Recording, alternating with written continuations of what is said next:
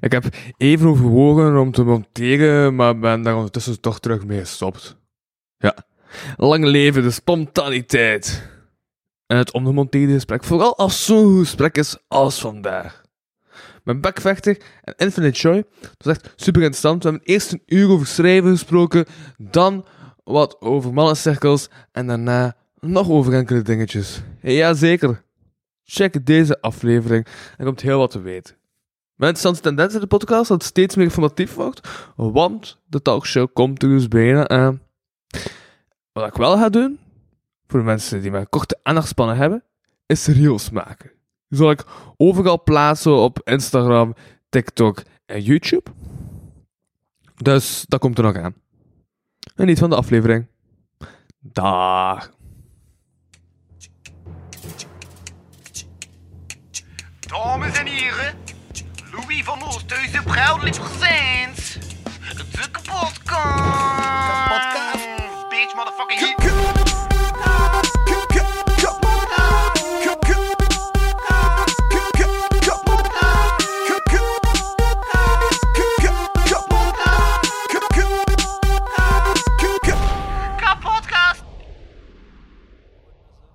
Maar echt dat zo zijn. Echt niet te hoog, man.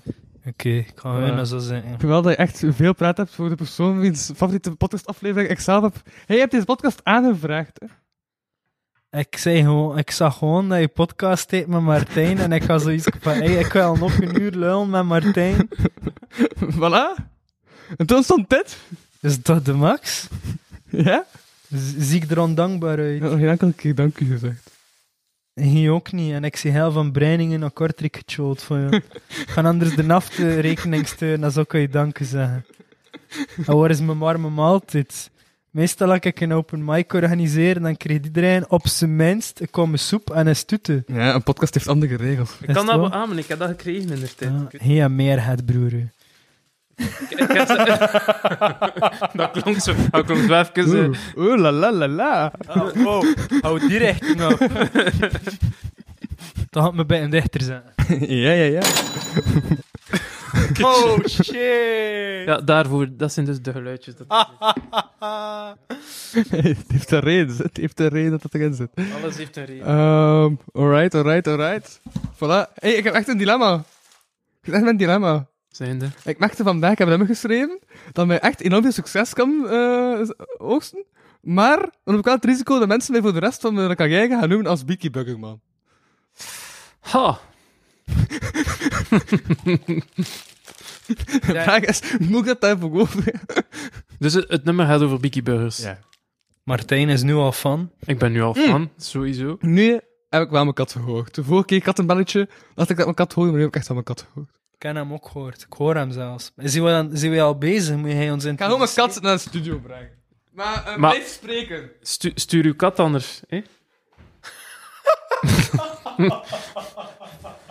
ja. Ik pees niet dat dat hier, ehm, dat dat mijn lach aan kan. Als ik luid ga beginnen lachen, wat dat ik wel zie gebeuren met jou tegenover mij. En Louis als ons Ik, die, die altijd... die altijd de serieus zelf ben. Ja, hè. Ik wil die al snijden. Eigenlijk had hij juist twee borden moeten geven, hè, besef ik nu.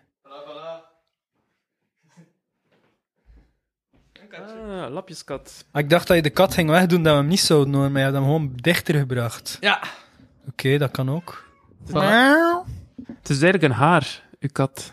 Eh, Lapjeskatten zijn toch per definitie vrouwelijk? ja, het is haar. Ah. Kijk, zie. Hey, is dat erom gedaan dat we er Louise water te drinken kregen? Geen sponsor. Matje, ik, ik, vraag, ik zeg niet van, hey, had de Deleuze 50 euro gegeven voor hier een paar waterbottels te zetten. Ik vraag aan hun, heb je erom gedaan dat dat Louise noemt? Nee, dat is gewoon toeval. Of is dat er daar overal een andere naam Nee, het op? staat ook Ah, Louise op. voilà, Louise. Dus je koopt producten bij de lijzen en dan nodigt iemand van de vakbond uit. Dat- Ta, ta, ta. Dat is te Hebben we dat niet aan het. Eh, Nee, dat is hem. Dat is hem niet helemaal. Spanning. Waar is de... point, point, point presenteren. Daar kunnen we wel aan mee leven. Kan ik rust doen in, in, in, in, deel 2 wil ik daar rust voor zien. Kijk, het telefoon. Wat? En die heeft maar gaan gaan. Ik was gebeld. Wacht. Als ik gebeld word, dan ben ik gewoon terug. Gewoon even voor de lelijkheid. Ja? Zijn we nu al bezig of niet? Ja, ja, ja. Ik ben al bezig. En ik ga nu even terugbellen naar Jong die Spit, u wel bekend. Dus terwijl dat Louis terugbelt, welkom allemaal op deze podcast.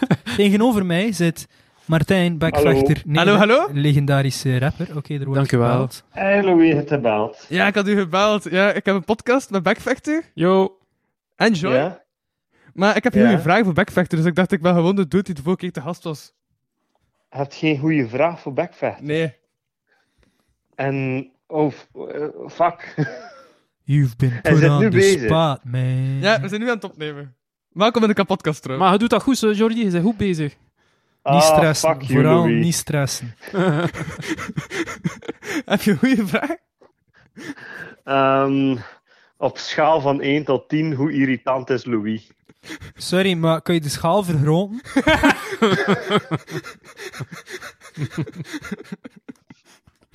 Ah, wat dat ik wil weten is heel de ervaring rond Manifesta. Dat wil ik Oké. weten. Voilà, dit was dan de luistersvraag. Oké, maar ook een, ook een voor Joy dan, hè? Want dat is een, een perso- gepersonaliseerde...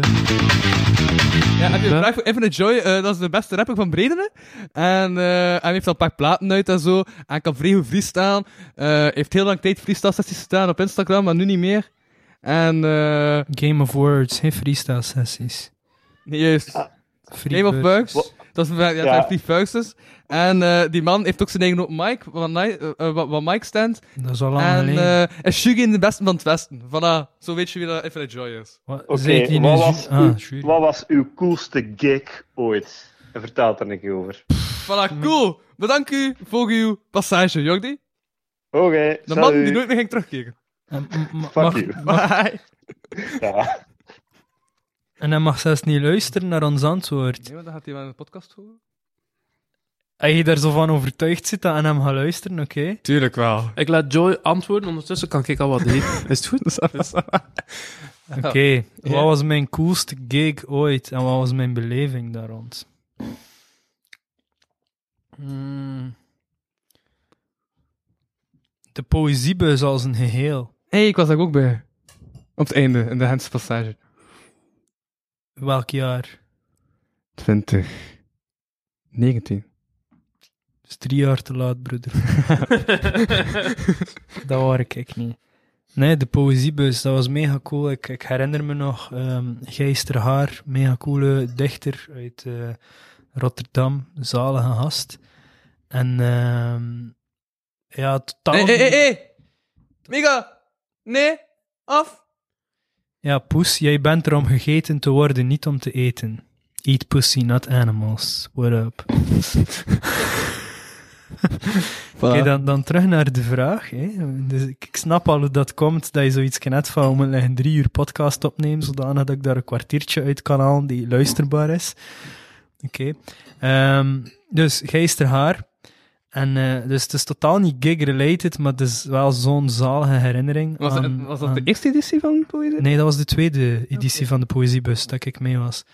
En dus ehm Gijs ter Haar, die, Ja, pas op, maar. die stapt uit om, om te plassen. Allee, de, de bus stopt ergens en eh, een aantal mensen stappen uit. En Gijs is één ervan die uitstapt om te plassen. En die staat zo naast de bus een beetje verder in een berm zijn ding te doen.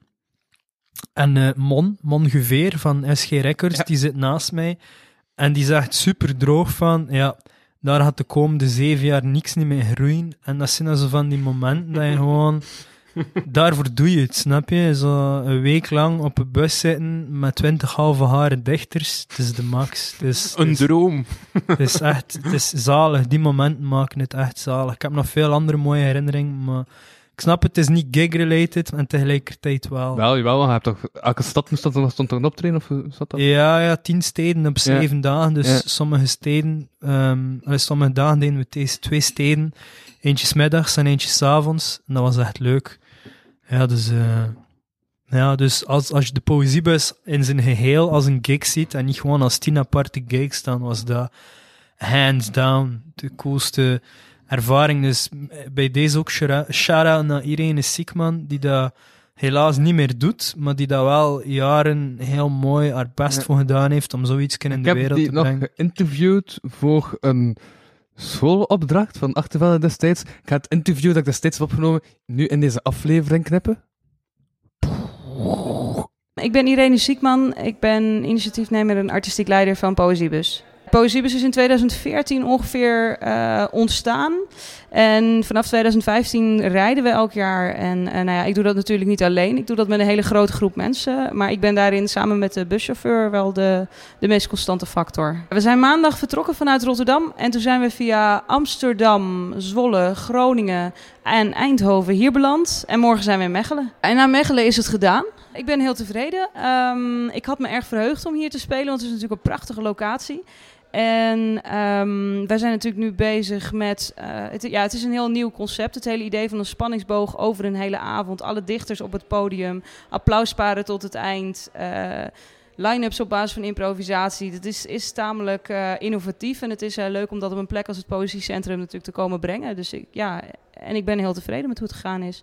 Er zijn altijd momenten dat je die wrijving hebt. Maar die wrijving is ook onderdeel van het proces. Want je weet zelf van ruzie die je goed uitpraat, kom je dichter bij elkaar. Niet dat mensen nou ruzie maken op de bus, maar zo'n proces eh, begint met een soort van voorzichtig aftasten. En dan, dan bots je een beetje met elkaar. Maar dan kom je uiteindelijk toch weer allemaal bij elkaar. En ik verwacht een, eh, een spetterend slot optreden in een soort van warme saamhorigheid in Mechelen. Dus eh, ik kijk uit naar morgen in Mechelen. Maar ik kijk ook stiekem eigenlijk wel uit naar mijn bed maandag. Want ja, we krijgen niet veel slaap. Want je wil natuurlijk ook s'avonds nog eh, de stad verkennen. En nog even met elkaar nabespreken. En dan moet je 's ochtends alweer vroeg op. Dus eh, ik heb er heel veel zin in. maar ik, eh, ja, ik vind het wel en niet jammer, zeg maar. Als al onze luisteraars wegjagen, die kerel. Voilà. Dat heb je net gehoord. Dat zat er nu net in. Hadden wij geen machine voor die effectjes? Eh, de, de flashback geluidjes doe ik zelf. Ah ja, maar zo die, par, par, par, die afhang, dat heb je niet. Hè. Dat moet je wel echt erin steken, Louis. Dat heb je Ja, want dat hebben we af en toe wel van Ik doen. heb letterlijk vandaag de, de eerste beeld van Louis van Experience After Movie getoond. Het eerste wat hij zei was, tegen mij was, cringe! Dat was mega cringe. dus daarna maakte die buiten reclame voor de Louis van O Experience. En dan, eh, dan vroeg ik gewoon aan de mensen die daar zaten van, hey, kom 10 november naar de straten als je even de hel wilt ervaren. Dus bij deze alle luisteraars, wees welkom. Waarom vond je het zo slecht dat ik... Ik, ik heb eens mensen op het nummer, eh, op, op, op, nummer van Green Day, gewoon met hun handen zo heen en weer Het lijkt hilarisch, maar op de foute manier. Dus ja, als je graag van foute humor houdt, dan moet je gewoon gaan. Meer ga ik niet Dat is zeggen. toch grappig? Ik vond dat Ja, grappig. Tuurlijk, maar het is, het is te zien op welke manier dat je, dat je grappig bedoelt. Like, je hebt zo, ik weet niet hoe dat, dat, daar is een term voor, hè, maar je hebt zo'n een soort van humor Nee. die grappig wordt, niet omdat de persoon die het doet grappig wil zijn, maar omdat ze net hun beste aan het doen zijn. En, en dat is gewoon grappig op zich, gewoon Ja, ja. hun natuurlijke staat van zijn. heb ik geleerd van Iwijn Segers. Oké, maar dat is een spottende vorm van humor, dus ik wil je niet kleineren of afbreken of zo, maar voor mij is het op die manier Dat is grappig. metacomedy. Oké, zie, ik zie niet mee. Vanaf dat ze zo begonnen met die metaterm te smijten, ik, ik, ik was ergens anders of zo. Ik ben niet mee wat dat, wat, dat, kwam- wat dat meta is. Als je aan mij vraagt wat is de meta, dan moet ik denken naar videogames. En dan zo van, wat is er op dit moment het sterkste? Dat is de meta. Zo, al, de, al de andere vormen van meta gaan gewoon meta ogenloos over mijn hoofd. Zoiets. Slechte woordmopjes moet je erbij nemen. Als er iemand tegen mij zegt meta, dan denk ik dat hij mij een bevel heeft om, om, om een lat te pakken of zo. ik dacht gewoon naar Facebook, maar... Niet. zalig. En smaak het, Martijn. Ja. Moet je de andere Sorry, helft ook aan hoe dat je bezig zit? Ik ben niet aan de mic aan het praten. Absoluut, het is heel lekker. Nee. Ik ga, ik ga delen. Delen is... eh, Oké. Oké, oké. Ja, Misschien zijn voor de zak van tafel te doen. Hij vier kan hem over Louis zijn hoofd trekken. voilà, dat is meta. bij deze geïllustreerd. Hé, maar... ehm, En dit is applaus voor eh, de vraag van wie ook die is. Voilà, en dat is perfecte timing. Nu kan ik net mijn vraag beantwoorden en kan ik best die andere helft Voilà, jij jou die Voilà. ook een vraag gesteld. Wacht, ik ben nog een beetje aan het kouden. Shit, nog hé. Ehm, de vraag was... Ah ja, manifesta. Ja. Was, eh, was cool, maar was vooral mega warm. Het was extreem warm en alles in eh, al die debatten en, al, eh, en mijn optreden ook, was in zo'n tent te doen. Een mooie tent, mooie tent, daar niet van. En er was ook een nieuw initiatief, de cultuurtent. Ja. Ze hebben daar stand-up eh, stand-up comedy gezet, ik weet niet wie. Ze hebben daar ehm, slam gezet en nog een paar andere initiatieven. Ehm, en dat was een test om te zien hoe dat, dat... Ik weet niet hoe dat ze dat gaan evalueren, of dat ze dat al geëvalueerd hebben. Mhm. Dus dat was wel cool, maar, ehm, maar super warm. Dus alleen al in die tent gaan zitten, was voor, de, was voor het publiek eh, niet zo simpel. Het zat wel direct de warm onthaal. Een zeer warm onthaal. Ja, ja absoluut. Ja. Maar, eh, maar voor de rest was dat, was dat geestig om te doen. Ja, maar ze ook in debat gegaan met Jos Daze. Maar ja, eerder op de dag. Dat, dat, dat ging ook wel eh, goed eigenlijk. Dat, dat gesprek liep heel vlot. Ehm, dat ging over eh, taalgebruik in, eh, in de kunstwereld en dan de parallel met de politiek. Ja. En dat, was, dat was interessant. Hij was geïnteresseerd in, in hip-hop als achtergrond. Dus ja, ik gaf dan aan dat ik daardoor beïnvloed was enzovoort enzovoort. En ik vond dat heel interessant. Dus eh, ja, ging goed. Ging goed. Een tof, was een tof weekend. Ja. Ja, ja, ja. ja. Je weet wel niet hoe dat rechtssysteem werkt. Wat, wat heb ik Jos Daze niet weet hoe dat rechtssysteem werkt. Ja. Hoe dat? Hij heeft, hij heeft dat filmpje niet gezien, die heeft een filmpje opgenomen met tien vragen over Sandadia. Hij heeft veel filmpjes. Ja, maar nee, maar letterlijk, als de vragen waren gewoon van, ah, hoe zit dat nou kijk, hoe zit dat nou kijk? En dat is letterlijk hoe het rechtssysteem werkt. Ja, maar dat ik zeide. maar waarschijnlijk weet hij dat wel, maar het is een educatieve video om het uit te leggen. Nee, nee, vraag het en Aan geef geen antwoord. Ah, oei. Blijf bij vragen. Oké. Ja. Ik zie niet mee. eh kan je niet goed verstaan, Louis? Wil je het nog een keer herhalen wat Ja, hij dat, zei? dat was daar ze vragen stelde over het rechtssysteem, die eigenlijk puur super duidelijk deel zijn van het rechtssysteem. Ik vind dat een beetje absurd dat je super duidelijk een rechtssysteem in één zin durft. En eh, ik applaudisseer die man dat die vragen durft stellen. We moeten dat allemaal af en toe een keer durven doen. Zeggen van, ik weet het niet, wie weet het wel, leg het mij uit. Niet in eh, een of ander advocatentaaltje, maar zorg dat een simpele mens, like ik het kan verstaan. En dat vind ik de max aan de PvdA, want dat zijn gewoon allemaal normale, doorsnee mensen, like hij en ik, die plots een platform krijgen om, om op te komen voor de normale, simpele mensen, like hij en ik. En dat vind ik de max. Dus eh, meer kracht naar zulke man. Bon, ik heb nog een introtekstje. Nu volgt ineens een intro. Ja, nu komt de intro. maar we zijn, we zijn al maar, we zijn al 15 minuten bezig. Oei. Ah. Allee. Maar als ik om... dat dan op het, eind, in het begin, of hoe, zie ik dat? Nee, nee, nee, de intro komt wanneer ik beslis van, oké, we gaan een keer beginnen met de podcast. Dit is, dit is het voorgesprek. Het wat nu? Wat? Dit was het voorgesprek? Dat was de opwarming. Het voorgesprek. De, de, Nee, nee, nee, nee, nee. de precast. Ja, ja, dit is de prekast. Dit is voor, voor wat warm te lopen. Zodat de luisteraars het zijn van, oké, dit is de vibe waarin we zitten. En voilà, nu kunnen we beginnen. Ik vind wel, eh, allee, het is hier zo, zo uitgebreid.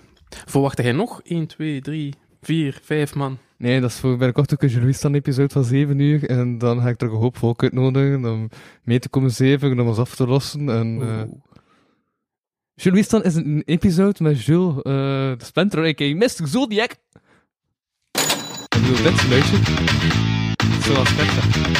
En ehm met Jules, eh, nee, met de Tristan Isaac. Dus Jules Wiestan. En dat duurt, elk jaar doen we een uur langer. Nu zitten we aan een zeven uur durende episode. Dus nu moeten we zeven uur aan een stuk opnemen. 7 uur aan een stuk. Amai.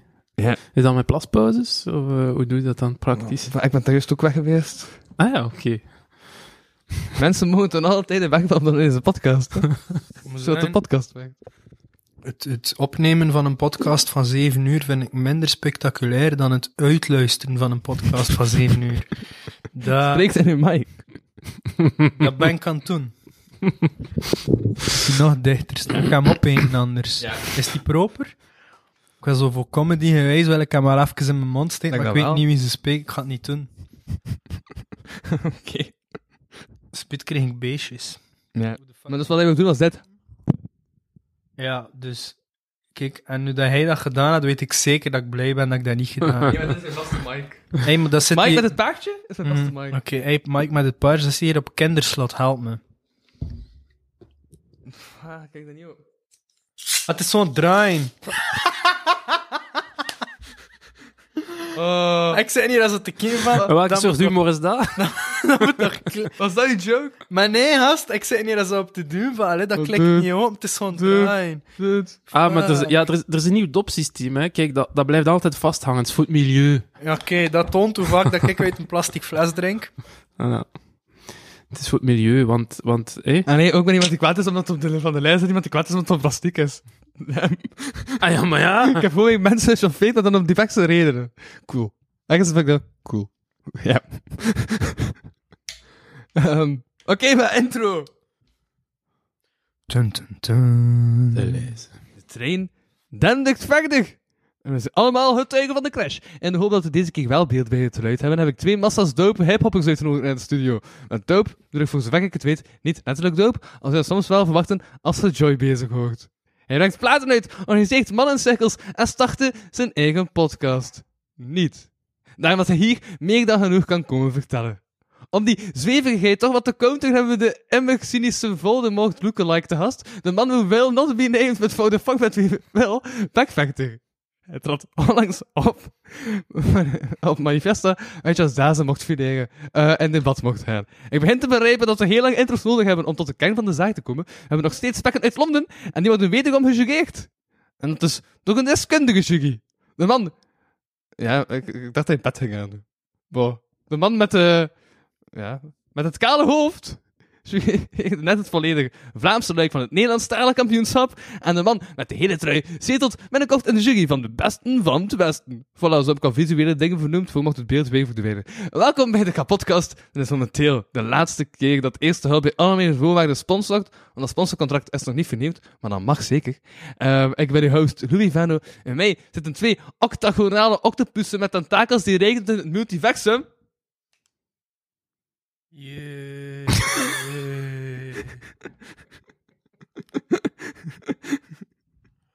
Sorry, even mijn verstomming geslagen. Ik was nog bij Voldemort. Ik weet niet wat dat er van me verwacht wordt, maar Martijn is niet kaal. Hij is gewoon heel kort geschoren. Je ziet dat, dat er zo... Er zijn wat kale oppervlaktes aan het komen, Dat is- maar, dat is- maar er zijn nog genoeg spekkeltjes haar om, om hem niet kaal te moeten noemen. Joy, dat is heel lief van je, maar de reden waarom het zo kort geschoren is, is Ja. wel degelijk eh, kaalheid. Ja. Dus er is wel een, een kausaal verband. En hij is even rood ster als die spataders in Sorry. Ja, ik ga stoppen. ik ga stoppen met dit. Ah, het was top. Uh, maar dat is de intro. In de intro dis ik mensen en daarna een minder. ah, daarna niet. Daarna wordt hij gedist. Goeie regel. Voilà. Nee, dus ik heb net de hele tijd de plaat in beeld gelegd. Ja, het is waar. Het is waar. 20 euro, mensen. Ja, Koop die shit. voilà. Ik, ik heb het gekocht. Nice. En, ehm, Wat heb je ook iets te ligt verkopen? dat, ook, ligt dat echt Is de bundel uit? Bundel? Ik maak geen dichtbundels. Maar is dat, is dat ook... eh, Nee, dat is echt om op te fretten. Ah, oké. Nou, we beginnen met de, Allemaal voor jou. met de, met de Spongebob-toestand. Is mij gelijk. eh. Krabby Patties. Ja, en ik ben naar Londen geweest. En ik heb spekken meegenomen. Oké, oké, oké, ja, ja. Er zijn slechtere souvenirs om mee te nemen van een reis. Ja, voilà. Waarom was je in Londen? Hm? Waarom waren je in Londen? En mijn, wa- waarom? Ja. Ah, gewoon uitstap van vier dagen. Oké. eh toen heb ik kunst gezien Eh, van eh Hockney. Zijn tentoonstelling. En ehm het tijd. interessant. Ja, en daar heb ik zo allemaal tekstjes gelezen en toen had ik heel veel inspiratie. Want eigenlijk in heel veel dingen zit er kunst. Ken je dat zo'n gevoel? Je gaat bijvoorbeeld naar een museum of zo, Ja. expo, ik weet niet wat. En ehm, het, het is iets dat je bevalt. En je denkt van... eh, je komt buiten en je hebt van... Oh, de max, mij geïnspireerd. Ik, eh, ik, heb, ik krijg ideeën. Ik wil ook... Ik wil dat en dat en dat wil ik proberen. En, maar tegelijkertijd, omdat je zo heel goede dingen hebt gezien, denk je ook van... Zijn ook een klein beetje ontmoedigd. Omdat je juist zo... zo zo, zo, zo sterk eh, werken het gezien. Dus je hebt zo een, een heel irritante mix eigenlijk van enthousiasme en ondernemingszin, maar tegelijkertijd ook een klein beetje desillusie of een klein beetje zelftwijfel of onderschatting. Dus je zit zo... eh, Ja, ik, ik heb ook maar één verdiep van tijd gezien. En daarna heb ik, omdat ik wou alle tekstjes lezen. Misschien ligt het inderdaad aan dosering. Misschien moet je ervoor zorgen dat je... Maar dat is letterlijk in de inkom van tijd staat toch ook, je moet het niet op één dag bekijken. Ah, Ik kan altijd terugkijken. Ik ken dat gevoel wel. Aha. Ik, ga, ik wil dat ook doen, ik ga dat ook doen, gepaard met... Ik kan dat niet, dat gaat me nooit niet lukken. Ik kan dat niet zo goed. En dan zo daartussen stuiteren. Maar ondertussen maak je gewoon... En er gaat altijd iemand beter zijn dan jou. En tegelijkertijd gaat er nooit niemand zo goed zijn gelijk hij. Voilà. Diep. Dat, dat is mijn ding wel. Ja, en dan een titel Louis Vano Experience. Dat is experience die enkel Louis Vano kan geven. Ja, klopt. Beetje narcistische titel, maar... klopt. Dit is een ah, Dus, dus eigenlijk zeg je nu gewoon, het, het feit dat Joy een interessante zin hier op tafel gooit, is eigenlijk volledig te wijten aan... eh, Nee, nee, nee, nee, maar iedereen heeft zijn eigen stijl. Hij heeft toch ook een eigen stijl? Zullen we dan naar voren gaan? En dan... Ja, nee, nee, hij was aan het inpikken op ik die zei van... ah, Er gaan altijd mensen zijn die iets beter kunnen, gelijk hij, maar er gaat nooit iemand zijn die het zo goed kan als hij. Voilà. Ah ja, oké. ja. Dus er gaat nooit iemand zijn die zo goed gelijk dat Louis een geschifte, rare, cringy, leutige avond in elkaar kan Hey, steken. en mensen waren echt van. Ja. Zorg dat ze fan genoeg zijn dat ze bagage kunnen betalen en ik kom met plezier een keer af. Hey, dan zeg ik doorvertellen aan mensen. En dan, komt er meer volk. En dan komt er meer volk. En zo gaat de bal aan het rollen. Of ze vertalen het door aan mensen en dan komt er minder volk en dan komt er minder volk. Sorry. Nee, nee, nee. Ik vond het wel zot. Mijn favoriete West-Vlaamse comedy-rapper was aanwezig. De man die de intro-jingle van deze podcast maakte. Om de grond. Is het waar? Ik vind die Caro wel de shit. En, wel, en hij was als twee jaar niet meer in de straat geweest, speciaal voor de Louis Vano Experience, teruggekeerd. En dan zei dat het goed was. En ik dacht, oké, cool. Ping moet ik niet weer. Onder the proved motherfuckers, je weet dat zit.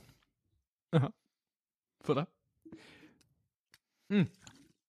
Maar ga je zo weer naar musea? Eh, niet zo heel veel tijd voor, nee. Maar ik, allee, dat, jij beschreef dat, ja, en ik moest eraan denken, aan dat gevoel van, eh hij bent geïnspireerd, en tegelijkertijd Ja, ook net tuurlijk. niet. Hij dat toch meer, want hij is visueel artiest ook. Ja, dat is ook maar een, een etiket, hè. Maar ja, je gaat toch niet een museum voor teksten te handje. Nee, maar je kunt, je kunt wel bijvoorbeeld je kunt schilderijen bekijken en daardoor ge- geïnspireerd raken om een tekst te schrijven. Of je kunt een beeld zien op straat, of een foto, Mhm. of ik weet niet Maar als je dan denkt van, ah, dat is dus beter dat ik heb, kan. Tuurlijk, maar het maakt niet uit, want het is niet wat ik doe. Terwijl hij is een visueel kunstenaar, dus bij jou is het echt te gerelate tot wat dat... Ik wil even Kunst- inpikken hoe dat, dat voor mij is. Ik kan een, een prachtig schilderij zien en mij geïnspireerd voelen om te schrijven. Mhm. En een heel mooi gedicht schrijven en weten dat dat een mooi gedicht is. En tegelijkertijd weten van, dat is zoveel moeilijker om een gedicht te appreciëren dan een schilderij. Dus like, rap is zoveel meer niche, omdat d- je moet veel meer moeite doen om dat echt te laten binnenkomen. Dat veel mensen willen dat niet doen.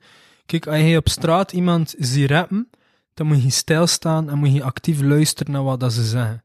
Voor een oordeel te kunnen is dat goed of niet. Like, de meeste mannen hebben geen mic control en dan allemaal zo vast. Ehm, Wat was die knipoog? En nee, nee, echt, ik, ik heb mijn controle gelezen afgelopen maand door de Vitalski, eh door de legendarische dinsdag van de Vitalski, want die mic is toch altijd veel te slecht Ja. afgesteld. Dus je moet wel echt in je mic spreken om hoe een mic te je had het twee jaar geleden van mij kunnen leren en je gewoon geluisterd had, maar oké, allemaal Louis, allemaal goed. We dwalen af, ik was aan het vertalen. je, ziet, je ziet twee dudes rappen op straat, je verstaat niet wat dat ze zijn, dus je haakt af. Hè. Hetzelfde geldt zijn dat de zotste dichters dat je ooit hoort, dat die haakt af. Evengoed, er zit daar een, een vrouw of een gast op straat te zingen met een gitaar en die stem klinkt goed. Evengoed versta je niet wat dat ze aan het zingen zijn, maar je kunt genieten van het geluid dat ze maken. Dus het is een andere vorm van kunst. En mijn ervaring is dan zo de, de moeilijke toegankelijkheid van woordkunst, maakt dat, dat als ik iemand een prachtig schilderij zie doen, dat ik mij ontmoedigd voel, omdat ik zo denk van ja, maar ik bedoel, die kan een schilderij op een muur zetten en iedereen gaat dat kunnen appreciëren dat dat daar staat. Terwijl als ik daar een gedicht op de muur zet, ja, dan, dan daalt die kans dat dat geapprecieerd wordt. Ik ga er geen cijfer op plakken, maar toch redelijk wat, denk ik. Ik weet niet of dat, dat wat aansluit bij het gevoel dat je Ja, ik snap, daarom snap hebt. wel wat je zegt. Maar heb het ook binnen, binnen dezelfde genres kun je het ook hebben. Hè. Ik herinner mij dat bijvoorbeeld eh, in mijn graffiti-periode pak nu iemand zet, ehm, zet een heel eh, realistisch eh, beeld op een muur van een dier of zo, iets dat makkelijk herkenbaar is voor iedereen. En vlak daarnaast zet iemand iets heel abstract. Mhm. Maar eigenlijk, degene die dat abstract beeld zet, die is technisch eigenlijk beter. Dus, maar de insiders kunnen dat dan zien, het groot publiek eh, minder. Maar het groot publiek gaat wel massaal gaan voor eh, de tekening van, van het beest. Mhm. Omdat ze dat herkennen, daar gaan ze enthousiast over zijn. Ook al is dat abstract beeld misschien eigenlijk veel beter eh, Mhm. uitgevoerd. Ja, maar dat heb je in de rap Dus- ook, hè. Inderdaad, toegankelijkheid is... eh, Noem het Ja. cringe, noem het abstract. Wat? Noem het niet cringe, noem het abstract. Ja, nee, het is cringe, Louis. Maar moeite doen, ik vind dat wel een heel interessante piste. The- The- Theo Maas heeft trouwens zo een, een, een fragment op YouTube, moeite doen. Heel goed, check dat, moeite doen. Ehm, ik denk ook dat moeite doen... Dank u wel. Eh, ik denk ook dat moeite doen voor een stuk wordt, wordt aangeleerd. Ik denk dat je wel een cultuur kunt kweken van, van moeite doen. En ik denk dat te veel mensen tegenwoordig eigenlijk ehm, dat echt eh, verleerd raken. Omdat heel veel van het zogezegd artistieke in, in massa-entertainment wordt gegoten. En dat je dat zonder, per definitie zonder moeite te doen, kunt consumeren. Op Mhm. een heel vlakke, ay, op een heel oppervlakkige manier. Mhm. Mhm. Dus dat de mensen echt wel... Allee, er zit een mechanisme achter dat mensen minder en minder moeite doen of op, op, op cultureel, op artistiek vlak, denk ik. Tuurlijk, we denk- consumeren allemaal reels van 90 seconden. En ja, in plaats van, van een volledig nummer uit te luisteren. En dat is al gekomen van... Mhm. Ooit was er een tijd dat je een plaat ging komen en die plaat 3, 4, 5 tot 100 keer ging herbeluisteren. Dan had je de tijd van videoclips en kost je eigen cd'tjes branden en je eigen cassettes branden. En dan moest, begon je al je mixtapes te maken met je favoriete nummers. Nu heb je allemaal je eigen playlist. Niemand luistert er nog naar een album. Like, Hmm. het, is, het, is, het is eigenlijk niet voordelig om een album te maken. Het is alleen maar als je te productief bent, dat je het niet kan bijbenen in singletjes, dat je gewoon af en toe een keer een album moet droppen. Kina Sam is daar het perfecte voorbeeld van. Maar ehm, ja, voor de consument is het gewoon, het is, het is te veel geworden. Ook daar is Sam een goed voorbeeld van. Ik vind dat de max van een MC zalige dude. En ik, ik kom er niet mee toe om elke week als hij een nummer uitbrengt of whatever, om dat te checken. Ik, is, het is te veel voor mij geworden. En ik ben ook al in een fase in mijn leven dat ik minder op zoek ga naar, naar kunst en naar, naar, alleen naar, naar muziek vooral. De, ben meer in een podcastfase eigenlijk voor de moment. Ik luister veel naar zo'n podcast. Dat treft. Myths and Legends, heel coole podcast. Misschien moet je geld vragen aan hem met dat we nu juist reclame gemaakt hebben. Daar zitten we veel naar te luisteren. Of eh The Rising Man podcast. Dat zijn alle twee uit. En ik luister meer naar zoiets. En niet narcistisch bedoeld, maar naar mijn eigen nummers, omdat ik die van buiten aan het leren ben voor, voor op te trainen. En dat is makkelijker voor mij, dat vraagt minder effort ehm, van, van mijn hoofd en mijn stem om mee te luisteren en actief zo mee te rappen, dat dat er zo en dan af en toe repeteren, dat zorgt dat dat proces makkelijker gaat. Maar om maar te zeggen dat onze cultuur is helemaal geshift, van hoeveel aandacht dat wij geven aan de kunst dat we consumeren. En ook daar weer is een beeld. Ja, je kunt, je kunt naar een beeld kijken en je kunt daar bij een goede kunstenaar uren in verdrinken, naar die details checken en, en appreciëren wat dat ze er allemaal in. Maar je kunt even goed voorbij zo'n beeld wandelen en zoiets kennen van, hey, dat is liggen nice, en weer voorbij gaan. En dus hey, kom je opnieuw zo op dat, het kost geen moeite om dat te consumeren, terwijl dat, ja, je kunt een gedicht horen en zoiets kennen van, amai, dat is diep, en de diepgang totaal nog niet gevoeld hebben. Omdat de diepgang van een gedicht vraagt echt dat je daar even bij bent en dat laat binnenkomen. Maar is het niet elke kunst, uiteindelijk zit hem in de details? Natuurlijk. Ja, en, en daar hebben we het bij in over, denk ik, is wanneer dat een kunstvorm die details laat varen en zich gewoon focust op wat is er hip en poppy en dan krijg je dat er gebeurt met hip-hop. hè. Is dat eh, MC's die, die verses van acht bars droppen met een catchy hook, ja, worden beroemd, verkopen Voilà. uit en, eh, We zitten nu weer bij het begin van mijn eerste vraag. Wil je dan, als die dude van Beaky Burger bekend zijn, is een simpel nummer? Of wil je gaan voor diep gaan? ik denk dat jij bekend wil zijn als die dude van Bear. Waarom, waarom heb je dat nummer geschreven? Waarom heb je het gemaakt? Ja. Wat, wat was de De drijfveer? uitdaging was, kan ik rap schrijven op een housebeat? En op een housebeat kom ik nu eenmaal met simpele gebaren zelf. Oké. Dan is de vraag, kan je diepgang brengen op een house beat? Geef me gelijk welke beat, ik ga Of- alleen maar met diepgang Of afkomen. kan je dus- met simpele bars toch iets veelzeggends verkondigen? Je zit hier met, met twee Hey. strenge, strenge meesters, hè, vriend. Zie niet al je punten, hè. Wat was de laatste zin? Ik het niet. Ik zei, je zit hier met twee meesters, strenge meesters, dus je krijgt niet al je punten. Ah. Dus Martijn is van zin, had meer moeite kunnen doen om met simpele dingen iets diepgaand te zeggen. En ik heb zoiets van, had gewoon op elke beat kun je diepgang Oké, brengen. oké, oké, oké. Maar misschien ook gewoon een platte hit, maar om dan... Aha, en dus dan is de vraag, waarom doe je die ding? Omdat ik kijken of kan ik een platte hit brengen op een housebeat? Dat was nu zie je vragen aan het veranderen, je ziet niet consistent. Nee, inderdaad. Ik ben mijn antwoord aan het veranderen. ja. Klopt. Je kunt ook niet... Wacht, Allee. wacht. Wat zit daaronder? Was dit waar onder? Nee, daaronder. onder? Ik wil een platte hit brengen op een housebeat. Nee, nee, onder het feit dat je antwoord verandert om, om wat dat wij tegen je zeggen te accommoderen. Omdat ik dacht, misschien kom ik weg met dit antwoord. En nu ben ik een eerlijker antwoord aan het geven. Ja. Dus geef een keer een heel, heel, heel erg eerlijk antwoord. Waarom doe je heel, wat heel, je doet? Heel eerlijk antwoord. Ah, ja, dus Robin zei, van, ah, als je nu gewoon een, simpel nummer maakt, dan heb je direct bekendheid en dan kun je daarnaast gewoon diepgaande remix brengen. En dan moet je gewoon even een nummer brengen dat je opgepikt wordt. En dan gaan mensen wel uiteindelijk naar de rest luisteren. En ik dacht, oké, cool, dan proberen we dat even. Wel, ik heb, ik heb die, die allee, strategie, als je dat zo kunt noemen. Ik heb dat nogal een paar keer gehoord van, van mensen. Je moet eerst iets, eh, eh, iets commercieels maken, iets, iets plat, dat er vlot ingaat. En dan zijn de gelanceerd qua Uh-huh. bekendheid of zo.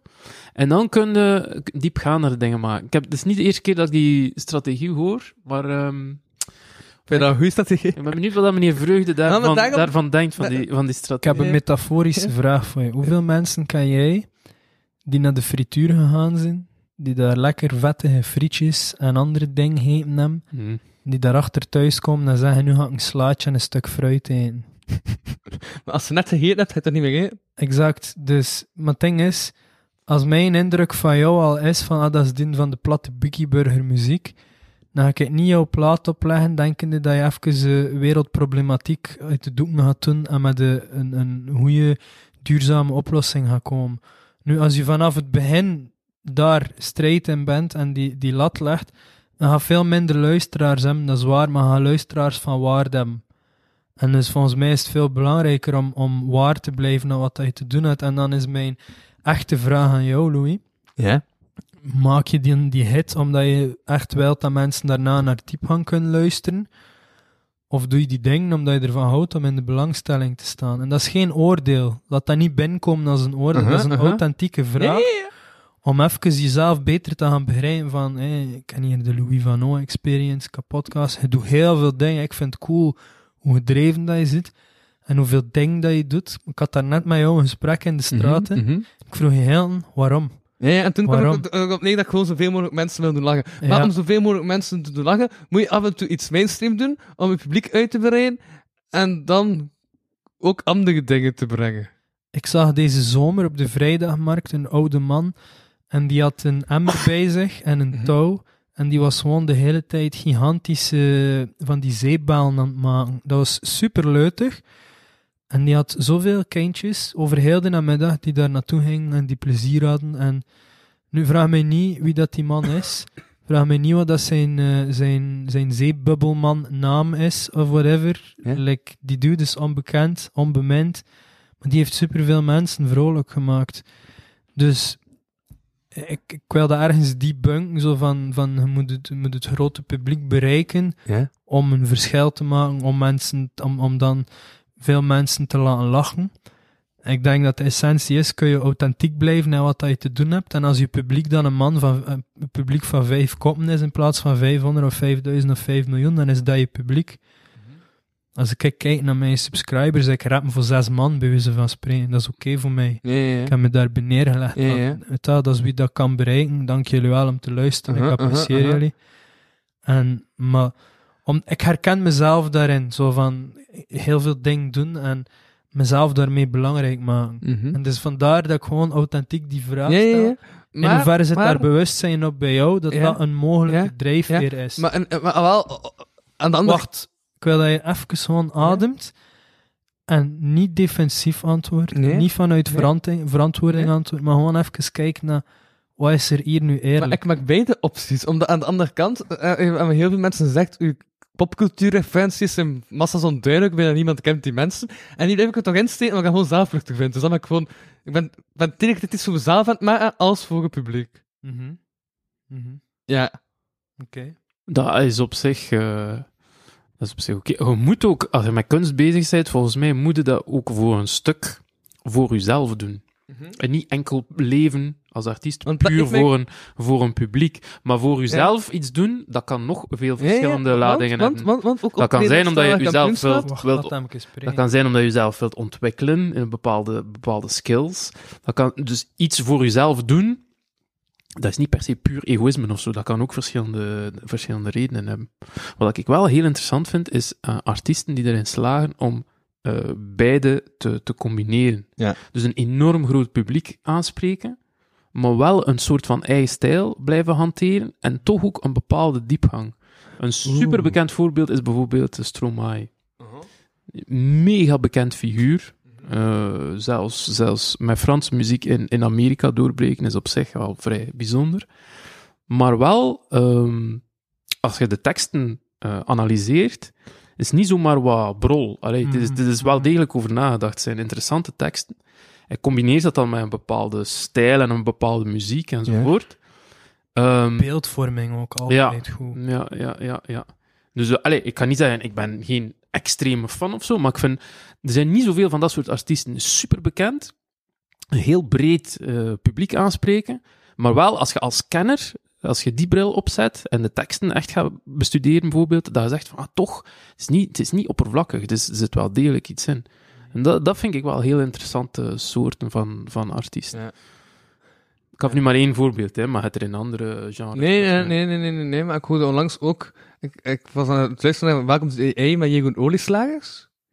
En die zei ook vrij interessante dingen over Wil, want die zei van, ja, vanaf dat je denkt van, ah, wacht even, oh, ik, ik, ik heb opgeschreven notities. Ik weet niet exact wat ze woorden zijn. Maar eigenlijk de notities heb ik dat opgeschreven, maar ik vond het interessant. Ah, ja. Ik heb dat boek nog niet gelezen trouwens, ik moet dat misschien wel doen. Die zei dat eh, eigenlijk echt, echt authentiek moet gaan, omdat het publiek uiteindelijk honden zijn die ruiken wat dat fake is. Mm. Eh, maar ja, mm, ja, het hangt er een beetje vanaf welk publiek. Eh, Sommige mensen smullen ook gewoon van fake. hè. ja, dat is waar. Ehm, een woordkunstpubliek bijvoorbeeld, dat is al een bepaalde niche. Hmm. Dat zijn vaak al een soort, zonder elitair te willen doen, al meerwaardezoekers in de zin van mensen die gewend zijn om te luisteren, en misschien een luistercultuur die moeite doen. Hè. Ehm, die gaan inderdaad misschien rap merken. Iemand die, die echt te fake is, te, te, te duidelijk een rol speelt op een podium. En tegelijkertijd... Maar als je het hebt over een groot massapubliek, dan, gelijk dat gezegd, dan gaan er veel dat gewoon niet opmerken, of, of opmerken en zelfs totaal niet erg vinden. Maar tegelijkertijd vind ik ook als we kijken naar de, zo de slamcultuur, wat dat eigenlijk al absurd is op zich om dat slam te noemen, maar goed, dat is een gesprek voor een andere keer misschien, is ehm, mijn gevoel daarbij is dat heel veel mensen in, in, die, in die scene schrijven om te cateren naar een bepaalde beeldvorming dat neergezet wordt. Zo van een slammer moet zo en zus en zo zijn. En die daar naartoe cateren en die dan voor een halve kenner heel authentiek kunnen lijken, maar voor een echte kenner direct door de mand vallen. En ja, ik vind dat wel ook een belangrijke nuance om even Ja. naar te kijken of zo. Ja, ik snap wat je bedoelt. Voor een stuk is dat natuurlijk een beetje, zo, zodra dat een kunstvorm en slam of woordkunst was jong, hè, voor, voor het grootste deel van het publiek, Mhm. en van zodra dat iets ietsje meer ingeburgerd geraakt, heb je natuurlijk meer de kans dat er zich clichés beginnen ontwikkelen, of dat Mhm. er eh, minder originele... Allee, alles is per definitie minder origineel dan, omdat het al wat langer bestaat en Mhm. enzovoort enzovoort. Dus, ehm, en je krijgt dan ja, nieuwere generaties, waarvan dat sommige origineel komen, en waarvan dat sommigen misschien ook zeggen van, ja, ik ga gewoon kijken wat dat er goed gemarcheerd heeft bij de vorige. Ja. generatie. Ja. Als uw kunstvorm heel jong is en je zit nog maar met die eerste generatie, kun je dat per definitie niet doen. Ja, dus ja, ja, ja. Mm. Oh, dat maakt het misschien de uitdaging wel Wat wat. dat Jeroen Olieslagers ook zei, was dat hij hem zichzelf altijd verplicht om eigenlijk eh, een soort van ongemak te gaan opzoeken. Uh-huh. Die zou kunnen kiezen voor, ah, ik weet wat dat schrijven is, dit heeft al gemarcheerd in mijn oeuvre, en ik kan eigenlijk iets in dezelfde stijl maken. En ik kan eigenlijk daarop verder deinzen. En Ja. dan kies je er toch altijd bewust voor van, nee, ik ga mezelf eruit uitdagen om iets nieuws te doen. En dus zelf eigenlijk een soort van ongemak voelen tijdens schrijven, want vanaf dat ik me relaxed voel, ga ik niet zo goed meer creëren. En hoe doet dat dan, bijvoorbeeld? Of hoe doet hij dat dan? Dat, wat voor ongemak... Is dat dan bijvoorbeeld technisch, dat je zegt van, ik ga dit of dit of dit proberen, ik weet dat ik het eigenlijk niet zo goed beheers, en dat zorgt dan voor een soort ongemak, Ja. bijvoorbeeld? Ja. Aha. Ja, interessant. Aha. Mijn eerste gedachte daarbij is, als je kijkt naar mijn albums bijvoorbeeld, als voorbeeld, die, die, die weerspiegelen voor mij heel goed mijn eigen volwassenheid en mijn, mijn traject daarin. Ze luisteren naar, naar gewoon die twee die al uit zijn, naar moedertaal 1, naar moedertaal 2, naar moedertaal 1 is ergens wat onschuldiger, minder weten van de wereld en nog veel te zeggen hebben. En moedertaal 2 is, is, is eigenlijk gewoon emotionele soep. is, eh, als, je, als je net een relatiebreuk hebt meegemaakt of zo, goede, goede plaat om even eh, je niet alleen te voelen en erkenning te voelen. En moedertaal 3 is, is zo veel meer... Gelijk dat drie ook al uit? nee, nog niet. Nee? Ja. Maar veel meer gelijk de eerste, als in... ehm, ik sta steviger in mijn schoen. En tegelijkertijd al die, die thema's die in mijn muziek terugkomen, veel volwassener in kaart gebracht. Veel authentieker ook, met, ja, gewoon nog een extra portie introspectie. Dus. En ergens is de stijl hetzelfde, want het is ik die toe. En ergens is het gewoon constant in evolutie. En volgens mij is dat zo met elke kunstenaar, dat je je stijl evolueert en op die manier ontwikkel je een eigen stijl. En weet je, ik ben sowieso geen fan van kunstenaars die moeite doen. Dan is per definitie voor mij geen kunst niet meer. Kunst, dat moet, dat moet komen. Dat komt tot mij en dat komt uit mij. Snap je? Dat, zo, dat gaat naar binnen en dat gaat naar buiten. Ik ontvang dat, dat inspireert mij en, en dan in mijn smeltpot binnenin brouwt dat tot iets anders en dan geef ik dat terug, gelijk wat ik gekregen heb van het leven. En vanaf dat ik daar moeite doe, om, like die Game of Words bijvoorbeeld, dat kwam in een moment dat ik echt veel hoesting had om te creëren en ik, had gepost even met vijf woorden en ik had heel wat reactie en dan ben ik daarmee begonnen. En dat vuur is zo langzaam uitgedoofd. En er zijn veel momenten dat ik denk van, ach, ik moet dat terug beginnen doen. Maar dat is niet de juiste zin. En zolang dat dat is, ik moet dat terug beginnen doen, gaat dat niet gebeuren.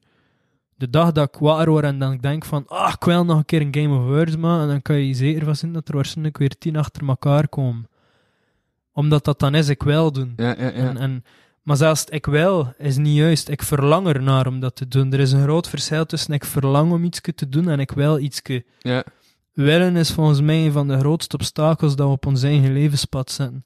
Vanaf dat ik iets wil, dan probeer ik iets te forceren, Ja. probeer ik iets te dwingen, zet ik daar een, een gevolg en een, en een dit en een dat achter. En dat, dat blokkeert de natuurlijke stroom van het leven. Terwijl als er binnenin mij gewoon een verlangen is om te schrijven, en dan gebruik ik vijf woorden van iemand of een beat dat iemand mij gestuurd heeft, als zo'n beetje een kickstart om dat verlangen om te schrijven tot uiting te brengen, dan komt er een natuurlijke creatie op hang. Terwijl als ik zoiets heb van, ik wil dat nu, ik ga nu voor een leeg blad zitten en daarop staren totdat er iets op staat, wat dat veel schrijvers zichzelf aandoen, doet dat niet. Als er zijn schrijvers zijn die nu luisteren en denken, writersblok, ik ken dat, oké, stop met proberen. Ga naar buiten, doe de boswandeling, ga naar de zee, duik erin, fuck, doe de bergtocht Mhm. of het een of het ander, eh, ga gaan feesten, doe gelijk wat. Behalve bezig zijn met je kunst en laat het leven je voeden met inspiratie. En dan op een dag gaat het wel terugkomen. Ja, ja. Wat dan echt, je echt. want dat is echt van dat, van dat leeg blad, snap ik volledig. Want je hebt echt mensen die denken dat het zo in elkaar zit. Je, je pakt een leeg blad en je denkt van, oké, ja, ik ga een tekst maken, want ja, ik ben woordkunstenaar. Dus, eh, maar, eh, maar, maar, maar nee. Maar aan, aan, aan de andere kant, eh, dat, dat doen vanuit moeten, ehm, het schijnt dat veel van de, van de bekende kunstenaars wel een soort van eh, bijna maniacale drang hebben Mhm. om hun kunst te, te uiten. Veel, veel, veel bekende schilders van vroeger hadden dat bijvoorbeeld. Maar dat is een Die- verlangen. Die, die zo s'nachts bezig zijn omdat dat, omdat dat eruit moet. En, en ik gebruik dan het woord eh, moeten, maar inderdaad, gelijk dat gezegd, misschien is dat meer, eh, is dat meer iets anders. Ja, ja, volgens mij is dat een diep verlangen. Die maar ze voelen het soms wel aan als een soort van dwang, van ik, ik moet dat hier... eh, Mhm. Maar ik had Mhm. dat ook. Snap Ik heb eerst twee weken zagen, letterlijk, over van fuck, dat gaan niet komen, die zeven nummers voor de Louis Vano Experience. En, maar, maar, maar echt, pff, Emmanuel zei het ook, was, nee, de dude die wat beats heeft gemaakt. Ik zat daar zo heel tijd bij, ik was van, ja, nee, kan ik het niet schrijven, jong? Kan ik het iets doen? Eh, en dan uiteindelijk, twee weken ervoor, begon het wel. En dan heb ik er plots zeven nummers kunnen creëren. Dat, dan dacht ik dan plots, ja, inderdaad, dan zit hij in een flow. En dan, tot dan vloeit het gewoon eruit. Mhm. Nee, exact. Maar nog een, eh, een dingetje over dat, dat ongemak van daarnet vind ik wel interessant, want het is niet altijd zo gemakkelijk om dat te omarmen. Ik herinner me bijvoorbeeld eh, de periode dat ik veel schilderde.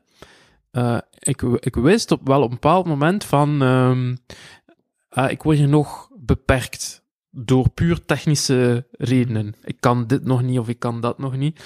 Dus ik ga dat op die of die of die manier schilderen. Want ik kan het niet anders. Snap je? Een soort van eh, ja, keuze uit, uit armoede eigenlijk. En je kunt zeggen van ja, aanvaard dat gewoon, constateert dat. En dat is dan dat, dat ongemak. En probeer daaraan, daaraan te werken. Ja. Ehm, dat kun je doen, eh, maar dat lijkt me niet gemakkelijk. En ik heb het ergens ook zelfs een klein beetje vermeden door van kunstdiscipline te veranderen. en, en te merken van, ah ja, mijn, woord, mijn woorden kan ik eigenlijk veel vlotter... eh, heb ik, ervaar ik dat probleem veel minder. Mhm. Eh, dus ja, misschien. Wat dat er bij mij opkomt als hij dat zegt, is dan... ehm je zou kunnen zeggen van, ah ja, technisch ben ik beperkt, dus ik moet die techniek leren. Ik zou dat persoonlijk anders benaderen, in plaats van een techniek te leren, wat dat, ik breek dat niet af of zo, dat kan heel behulpzaam zijn, zeker een stielman en al, die leren een techniek, en dat is, dat is, sommige mensen hebben gewoon een superieure techniek bedacht. Mm, Maar als het over kunst gaat, dan is het volgens mij meer de uitdaging van oké, ik blokkeer hierop, dat lukt mij niet. Ik moet mijn eigen techniek heruitvinden of zo. Ik moet, ik moet eigenlijk mijn eigen manier vinden waarop dat ik dat kan doen. Like bijvoorbeeld in rappen voor mij, een van de, van de grootste kritieken dat ik in het begin kreeg, ik heb dat lang gekregen, is je zit offbeat. Mhm. Ondertussen kan ik tegen al die mensen zeggen, fuck you, je weet van niet van wat dat je klapt, want ik was nooit op beat. Ik zat altijd op de beat, maar ik zat niet in de maat. Dus hé, leer eerst waar dat je over klapt, voordat je kritiek heeft, maar whatever. Ehm hé, maar dus ik zat niet in de maat. Wat dat wil zeggen, dat in de maat, dat is om de vier ja, bars. je. En ik zat er soms op, op de drieënhalf en dat verschuift alles. Maar een van de dingen dat ik daarin geleerd heb, is bijvoorbeeld met open klanken en dergelijke. En dat ik nu soms eigenlijk, ehm, ik kan niet direct op een voorbeeld komen, maar een, letter toevoegen aan een woord die er eigenlijk niet moet staan, of een woord iets anders uitspreekt, zodanig dat mijn klank sluit, zodanig dat die minder ruimte in mijn ademhaling opneemt, zodanig dat ik eigenlijk, ehm, ja, je moet dat zien als mijn lettergreep, nee, Lego blokjes en, el- elke twee puntjes is een lettergreep. Weet je? En dus soms kun je, kun je twee lettergrepen in, in één zo'n stukje krijgen. Op die manier. Ik vind het slecht aan het uitleggen omdat ik niet direct een voorbeeld bij de hand heb. Maar dat is dus een manier waarop dat ik tegen een beperking aanliep. En ik had zoiets van, ja, maar mijn zin is mijn zin en dat is wat ik te zeggen heb. En dan gaan zoeken naar, oké, wat zijn manieren om toch binnen in die maat te blijven. Door bijvoorbeeld synoniem te gaan opzoeken. Dat was een van mijn eerste manieren om, om, om mijn lettergrepen aan te passen aan de maat. Dus inderdaad meer of minder te hebben, zodanig dat ik in dat ritme blijf. Om synoniem te gaan zoeken. Om woorden op een andere manier uit te spreken. Of om te gaan kijken van welke woorden volgen er hoe op elkaar en me daar bewust van te zijn. Dus in plaats van een workshop te gaan volgen bij een of andere geniale rapper, gelijk een samurai, en, en te leren hoe dat hij dat doet, heb ik mijn manier gevonden. Hm. Waardoor dat moest onze stem exact hetzelfde zijn, zou je er nog altijd kunnen uitpikken wat dat zijn stijl is en wat dat mijn stijl is. Terwijl er veel rappers, dat moest je ze allemaal dezelfde stem geven, dat je niet meer zo kunt differentiëren wie is wie. Mhm. Omdat ze allemaal op dezelfde ritmische manier aan het rappen zijn en er is niks mis mee. Maar waar is jouw unieke flavor? En dat kun je ontwikkelen als kunstenaar door tegen die beperkingen Maar- aan te lopen. Maar je moet wel luisteren naar tips van anderen. Ja, het is, het is niet zwart-wit, hè. Ja. Maar als het erover gaat dat, dat je je mic al zo vasthoudt, waardoor dat je mega Ja, tof nog ja. klinkt, en, en als je al zo aan het rappen zit boven de mic, of dat hij toen deed, hè, als we het daarover, want ik het gevoel dat daarover ging, als je zegt van, moet wel luisteren naar tips van anderen. Dat is technisch advies. Je doet ermee wat je wil, en hij zoiets net van, ah, gonna make this work. Ja, make it work. Maar het gaat hem vooral, like, dat is de delivery on stage. Dat is iets anders dan hoe dat je schrijft en hoe dat je rapt en doet. Dus, allee, het zijn twee aparte dingen. ja, ja, ja. De ene is, is hoe dat je het presenteert en de andere een is echt het Ja, maar ik weet nog dat er nog stemde in de Kimme. In de Kim, ja. Hij was daar ook bij. En er waren toen zo dudes die zo gewoon een mic voortdurend aan het kutten waren. En ik zei zo van, ja, dude, hou ik je mic goed vast. En dan de reactie was gewoon, ik ben al twintig jaar bezig, ik weet wat ik doe. En ik had dus van, "N- nee. Nee, je weet niet wat je doet. Ja, maar ik, ik zie dat soms nog hoor, bij rappers die al heel lang bezig zijn en soms zit de gewoonte er zo diep in dat je er niet meer van afgeraakt. En ik ben zo een van die mensen, als ik mij bewust ben van iets, dan vind ik het heel moeilijk om, like, ik kan dan nog hervallen daarin of zo, maar dan, dan begin ik mezelf naar vooraf te kraken. Ja. Zo, ik ken daar juist de doem heen en eigenlijk weet ik dat dat niet goed is en dan straks onderweg naar huis ga ik als zijn pijn van fuck, waarom heb ik het doem geboefd, weet dat? Dus niemand is perfect, maar het feit dat er bewustzijn op is, daardoor kan het wel veranderen. Terwijl als je zo in ignorance blijft, oh, ik doe het al twintig jaar, het gaat wel goed zijn, oké. Doe maar verder, broer, zou ik zeggen. Hm, Ja, ja, ja.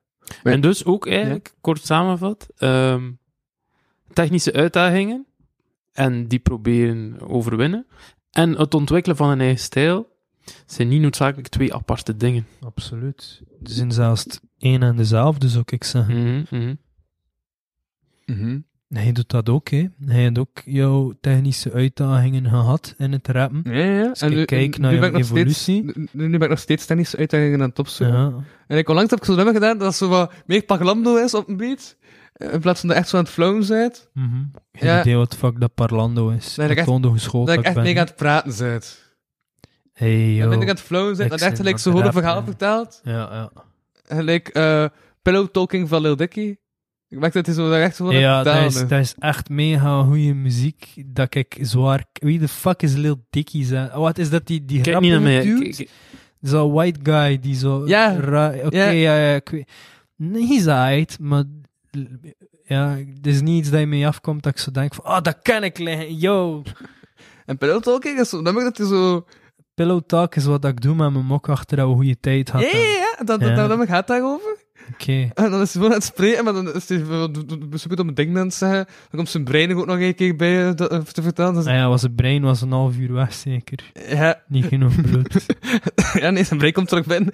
En dan is dat maar, ja, zijn autotune en al. We zijn Ja, maar- dat niveau ik bereikt, wel- mensen. Maar daar was hij zo wat meer aan het spreken, zo op de eh, beat. Mhm, En mhm. ik dacht, ik ga ook een keer proberen of ik kan spreken op een beat. En Dat flowen dat? op een beat. Para... Is toch de term voor gespreekt? Oké. Jij bent, Kan. eh, kan. Jij bent deskundig in wo- woorden. Waarom ben ik deskundig? Nee, nee, wij Ik zijn ben- twee ongeschoolde woorden. Voilà, wij zijn- Jij wij bent de copywriter van beroep. Nee, nee, vraag maar aan Carmin Michels. Wij, wij zijn Wij geen zijn echte woordkunstenaars. Wij Wij, zijn- hebben geen, wij hebben geen taal gestudeerd Wij of zijn- zo. Wij, wij, hebben, wij hebben leren rappen van straatfiguur. Ja. Dus, eh Ik ben daar eh, een poging tot een tekst daarover aan het schrijven, maar het is nog lang niet af, omdat het niet gemakkelijk is om te verwoorden. Omdat ga doe ik in Antwerpen gewoon en observeer.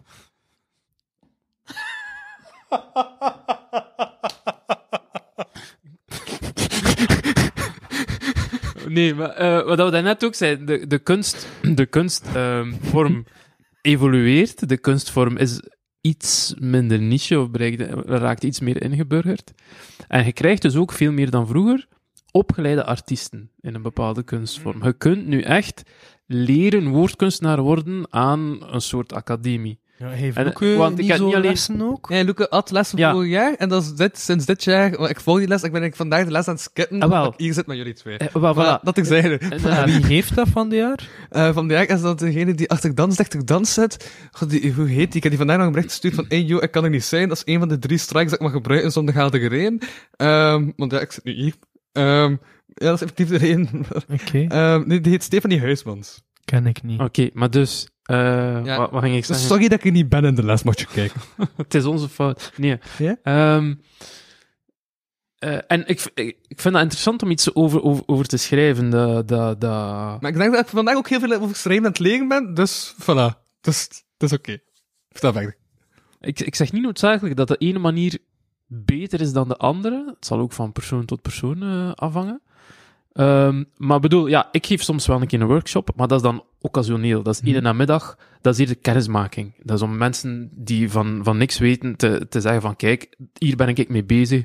Dat medium ziet er zo en zo uit. Je kunt er ongeveer dit en dit mee doen. Misschien eh, vind je dat ook interessant. Voilà, dat is eigenlijk maar gewoon een, een kennismaking. Maar je kunt nu echt, eh, heel traject inderdaad, je kunt Ja. echt opgeleid worden tot... En ik heb daar van nature vragen bij. Ik, ik breek dat niet af per definitie, want dat kan, gelijk dat gezegd, Ja, je kunt daar veel uithalen. ja, Voor sommige mensen werkt dat me echt, dik van... maar ik heb er wel vragen bij. Ik heb er wel vragen bij. Eh, eh, nee, maar ik, ik, heb, ik heb je dat filmpje toen van de Louis Van Experience. Op het einde van dat filmpje, dat komt binnenkort trouwens online, maar op het einde van dat filmpje ben ik zo die blaadjes aan het pakken. Ben ik Ja. bezig met blaadjes aan het oppikken. Dat was een tip dat ik in de les had gekregen, spoken word. Eh, had ik de tip gekregen van, eigenlijk als de tekst niet echt klopt, eh, qua volgorde, was zoveel dezelfde, dezelfde structuur is. Want begon ze met heel... met allerlei negatieve dingen over verhalen en dan allerlei positieve dingen over verhalen. En zij zei, ik weet er niet van zo wat meer eh, door elkaar halen en zien wat dat heeft. En je kunt dat bijvoorbeeld doen door gewoon alles onder elkaar te zetten, dat dan uit te knippen en zo je tekst eigenlijk opnieuw te schrijven. En ik dacht, oké, cool, maar ik ga dat gewoon doen live op het podium, want dat lijkt mij dan nog Maar er is niks mis mee met tips uitwisselen. Hè. Zeker, zeker niet. Mhm. Maar mijn, mijn vraag is ook min of meer: kun je ook kun je te geschoold zijn? Hmm. Te geschoold? Wa- wa- Wanneer ben je te geschoold? Ah, Ah, je dat is- zit te de- Dat is de geschoold, vraag. je zit te geschoold als je aan het schrijven zit op basis van al die techniekjes en trucjes dat je geleerd hebt en totaal niet meer je gevoel als vertrekpunt hebt. Ik durf van mezelf zeggen dat ik een goede rapper ben. Ik zie geen goede rapper geworden omdat ik tips en tricks en zijn checken van goede rappers. Ja, ik zie een ja, goede ja. rapper geworden omdat ik voelde dat het wat te zeggen aan. Omdat ik dustkes beat opgelegd heb, op die beats zijn begin schrijven en mezelf heel gewoon en blijven verbeteren en blijven verbeteren in wat ik doe, op mijn eigen manier. Zelfs een hele periode had dat ik weigerde om naar hip-hop te luisteren, omdat ik me niet wou laten beïnvloeden door wat de anderen deden, gewoon om te zien wat is mijn authentieke stem. Ik zou zelfs durven zeggen: idealiter zeg je niet of nooit tegen jezelf van: ik wil een rapper worden, of ik Mhm. wil een schilder worden, of ik wil dit of dat. Want het is niet, in principe, het is eigenlijk niet die rol die je moet ambiëren. Je wilt gewoon. Ik heb nooit tegen mezelf gezegd: ik wil een woordkunstenaar worden. Dat, is- dat lijkt mij niet helemaal het juiste uitgangspunt. Mhm. Ik heb wel tegen mezelf gezegd: ik wil dit en dit vertaald krijgen. Ik Mhm. wil dit en dit onder Mhm. woorden kunnen brengen. Mhm. Dat is niet helemaal hetzelfde als Nee, ik wil nee, een nee, nee, woordkunstenaar nee, worden. inderdaad. Snap je? Ik, heb- ik heb onlangs ook beseft, toen dat, ik, ik zat eergisteren, was zo de Rote Humo's Comedy Cup in de Charlatan in Gent. En ik passeerde daar, en ik zag zo Amelie Albrecht en Bas Becker staan, en ik zag zo hallo. En toen merkte ik van, oké, cool. Eigenlijk, die stand-up, dat boeit me niet meer, want dat is niet de manier, de, de wijze die ik wil gebruiken, dat ik het best kan inspecteren als om mijn boodschap duidelijk te maken. En dus ik rap gewoon als het middel waarin ik mij het best duidelijk kan maken met het verhaal dat ik kan vertellen, met minder als rapper, maar ik gebruik gewoon rap als, als medium. Kijk, dit, dit, dit is het medium dat mij het best tot expressie laat komen. Mhm. Mhm, mhm. Dat is like, onlangs heb ik een film gezien, ik weet niet meer welke film. Maar er zat een quote in en die ene persoon zei tegen die andere zo van... Het was Sister Act, het is juist. Sister Act 2. En ze zei tegen een van die gasten zo van... Als je eh, kan eh, dichtbundel, bla bla bla. En die schrijver schreef van... Ik ben geen, geen schrijver omdat ik schrijf. Ik ben een schrijver omdat elke dag als ik wakker word, kan ik alleen maar denken aan ik wil schrijven. Ja. Dat, wat maakt jou een rapper is niet het feit dat je rapt. Het is het feit dat je, dat je constant bezig bent met ik wil dat doen. Of toch heel vaak. Uh-huh. Weet je, dat is, het is zo dat meer. Like, ik ben ook de laatste tijd weggeëvolueerd van, ik schrijf niet meer zoveel rapmuziek. Misschien is het jullie al opgevallen, maar ik heb wel zoveel, soms als ik mijn cultivatie doe, ingeving, zodat ik denk, ah, dat is waardevol. Dat is een interessante gedachte. Ja. Ik wil die uiteenzetten en delen, en dan begin ik te schrijven, dan volgt er plots een Hans blad. En dan, ehm, dan deel ik dat gewoon.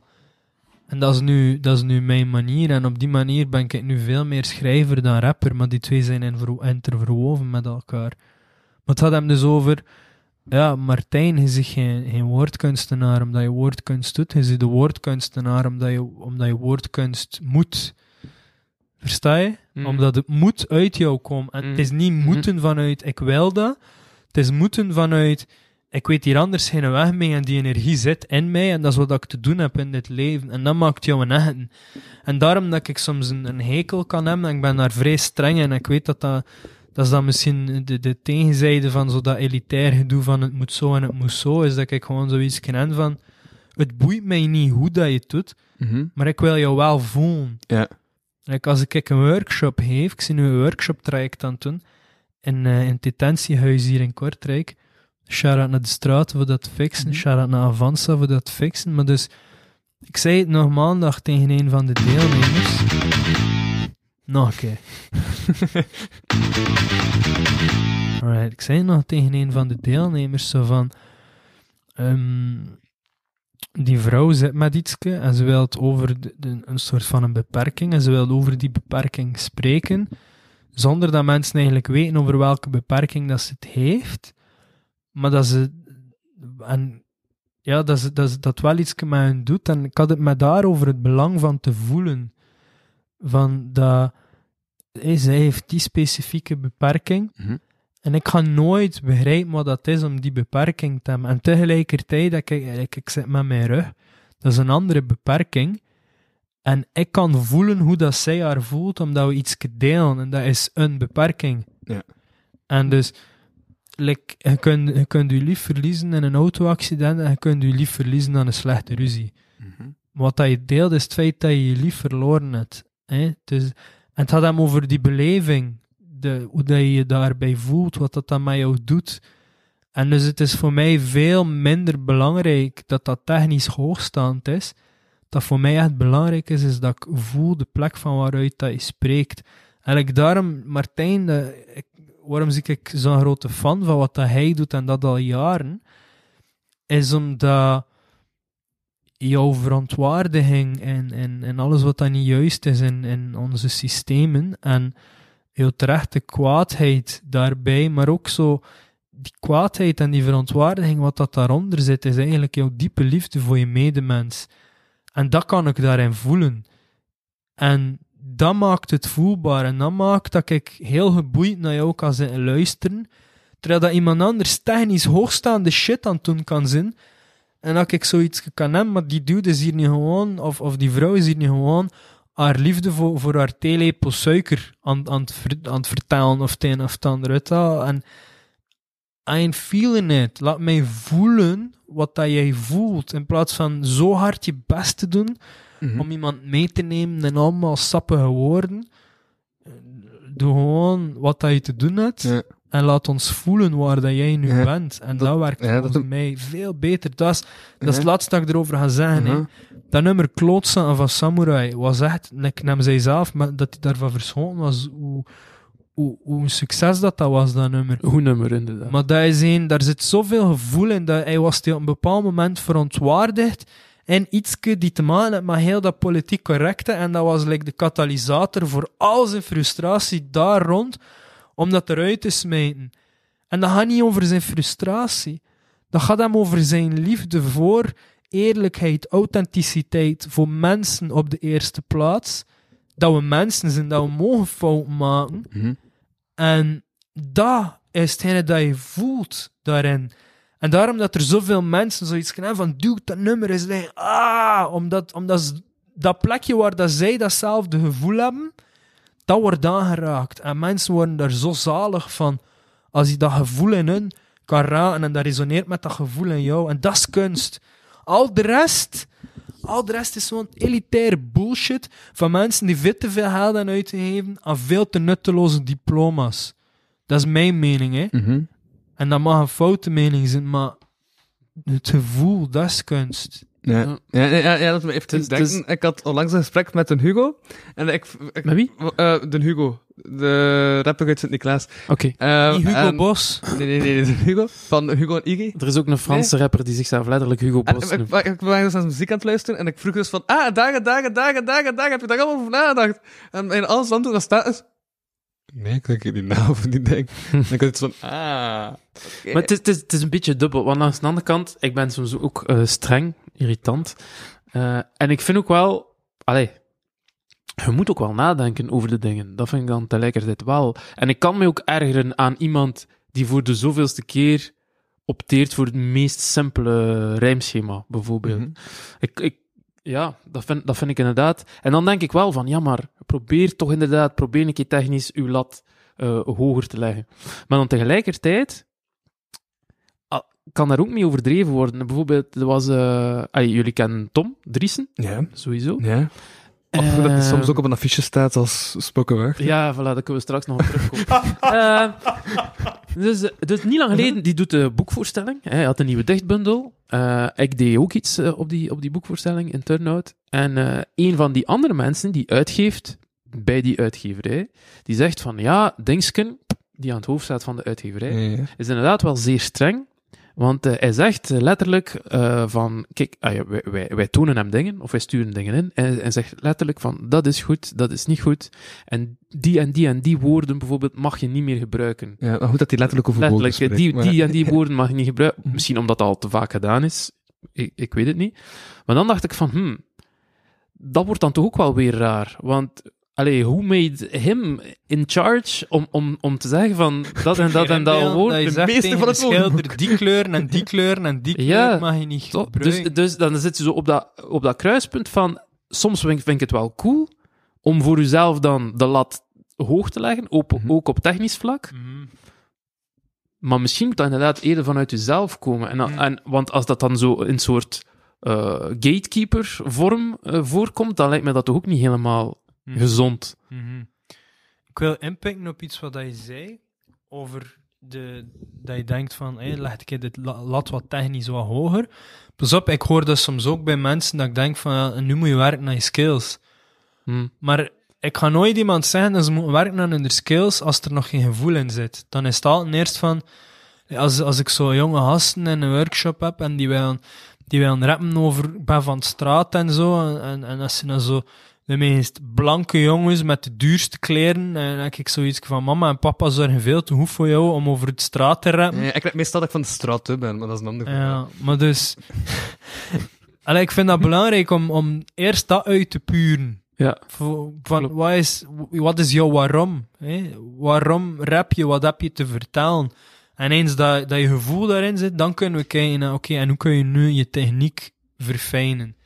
En dat zijn tips wel handig. Uh-huh. Dan, dan kan het wel goed zijn om een keer zo'n cursus te volgen waarin dat ze alles uit de doeken doen. Maar het ding is, als je nu naar, naar een, een, een cursusreeks van Loeke gaat, of Ja. naar, hoe noemt ze, Stefanie nog het wat? Eh, Was het Stefanie? Ik hoop als ze nooit kijkt, dan zou ik kwaad zijn. Maar- Want ik hem niet ken, maar Stefanie Huisman. Stefanie Huisman zit dat, of, of als je nu een masterclass krijgt van een Carmine Michels, of, of als je een workshop van Martijn of mij komt meevolgen. In essentie krijg je gewoon onze methodes, onze stijl even voorgekouwd. Ja, Als inspiratiebron. als, en, en daar moet het voor dienen als inspiratie om dan jezelf te gaan vinden. En niet als, Dus ah, dat zo dat moet, dus dat ga ik komen. dat onderscheidt de schilder van de kunstschilder. Ja, absoluut. Mooi. Wat is het volgende onderwerp? ja, want dit is wel ongeveer... eh, Moet nog over Tom Driets naar spoken weg. Ja, nog een half uur. Ah, Ik ga, ik ga aangezien dat we Hoeft toch- koekje. Voilà, ik voel dat we op een soort van, eh, een soort van eh, pauzemoment zijn aangekomen. Mag ik dat ook doen? Ja, ja, zeker, zeker, zeker. Ja, en ik wil echt ook nog zeggen, van die wil en de hoesting, zoals hij juist ook zei, van ah, ik wil het wel, maar ik heb niet meer de, de drive. Ja. Dan merk ik vandaag dat deze podcast dus over tien afleveringen stopt. Want ik heb... Ja, ik, het is aflevering 142. Wat moet ik nog meer vertellen om de...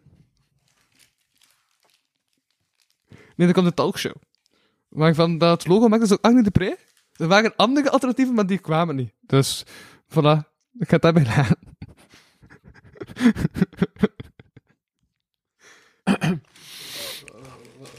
Lekker. Lekker. Hmm. Ja. Smakelijk. Ja, ik ga wel even wachten. Het is echt gewoon bunt en chocola. Mhm. Mhm. Ja, juist, hij zei vegan. Er liggen hier een aantal dingen die volgens mij vegan zijn, maar dude, ik denk dat je jouw gasten probeert te verheftigen of zo. want- Oké, sour punch. Ingredients. Heeft Miguel dat niet aangezien? Corn syrup, hè, dus maïs siroop. High fructose corn syrup, dus dat wil zeggen gewoon eigenlijk afval van de maïs, dat ze platten en platten en doen totdat er daar dikke stroperige substantie in komt waar dat je glaucoma van krijgt. Wheat flour, hè, om- omdat zonder gluten geen junkfood. Suiker, ja, want er zit, er zit nog maar twee soorten siroop in, er moet nog suiker bij. Citric acid, hè, voor zeker te zorgen dat er niks overblijft van je tanden. Malic acid, voor het geval dat, je, dat er geen zuur in je maag zit, dat een Mm. gat in je maag brandt. Tartaric acid, what the fuck is dat Nee, zelfs dan? Misschien is dit een... eh, een Glycerol Een heel moeilijk tandarts is, maar... Glycerol monostearate. Als je het niet kunt uitspreken, is het niet goed voor je. Glycerin. En als, als heel die lijst van, van, van zuren en suikers nog niet genoeg was, artificial flavor colors added. Red 40 en blue 1. Like, wat was de echte kleur? Zwarte dood? Ik bedoel... En dan zo liggen er hier zo nog een aantal dingen dat ik zo heb gekeken en zo van zo dat vegan zijn en zo, ja, het is vegan. Maar die also kaastoestand, die poison. kaastoestand niet proeven? Wat? hè? Er is ook kaastoestand. Kaas. Kijk, ik, ik heb juist een hap genomen, maar toch kan ik, kan ik genieten hoe dat hij bijna chirurgisch het kapot eh, analyseert. Ja, maar dat is wat je chirurgen doen. Met chirurgische precisie. Die maken dingen kapot. Mooi. Ja. Ik zal er nog Nee. maar van mijn, van mijn Deleuze water Ah. drinken. N- Daar heb ik geen kaas van gegeten trouwens. Dus, eh. Oké. zit die daar niet in, die bedoemd? Nee, ik wil... Was dat niet een ik- ding meer? Heb jij al gehoord van mannencirkels? Eh, gehoord? Ja. Want Joy is organisator van mannencirkels. Ja, voilà, van, vandaar. Anders, anders niet, maar van... Ja. Louis is ervan overtuigd dat dat iets is dat jullie samen in het belachelijke zouden trekken. Terwijl ik ken jou als een, als een redelijk gecultureel, eh, een volwassen persoon, ik ga het zo noemen. Ik ben niet op de hoogte. Dat Ja, ik, iets... ik zie jou daar niet direct de spot mee drijven, maar go ahead. Ja. Nee, maar ja, maar, eh, waarschijnlijk ook omdat we niet weten wat het is. Weet jij wat dat mannencirkels zijn? Eh, ik geef voor mijn onwetendheid toe. Wat, hè? Ik geef voor mijn onwetendheid toe, ik zou ermee lachen uit onwetendheid. Maar Mhm. me- meestal is dat omdat je dingen lacht. Nee, effectief, Alex Agnew zei ook ooit, vanaf dat je iets, over, over, over iets te veel weet, is het moeilijker om, mee te, om ermee te lachen.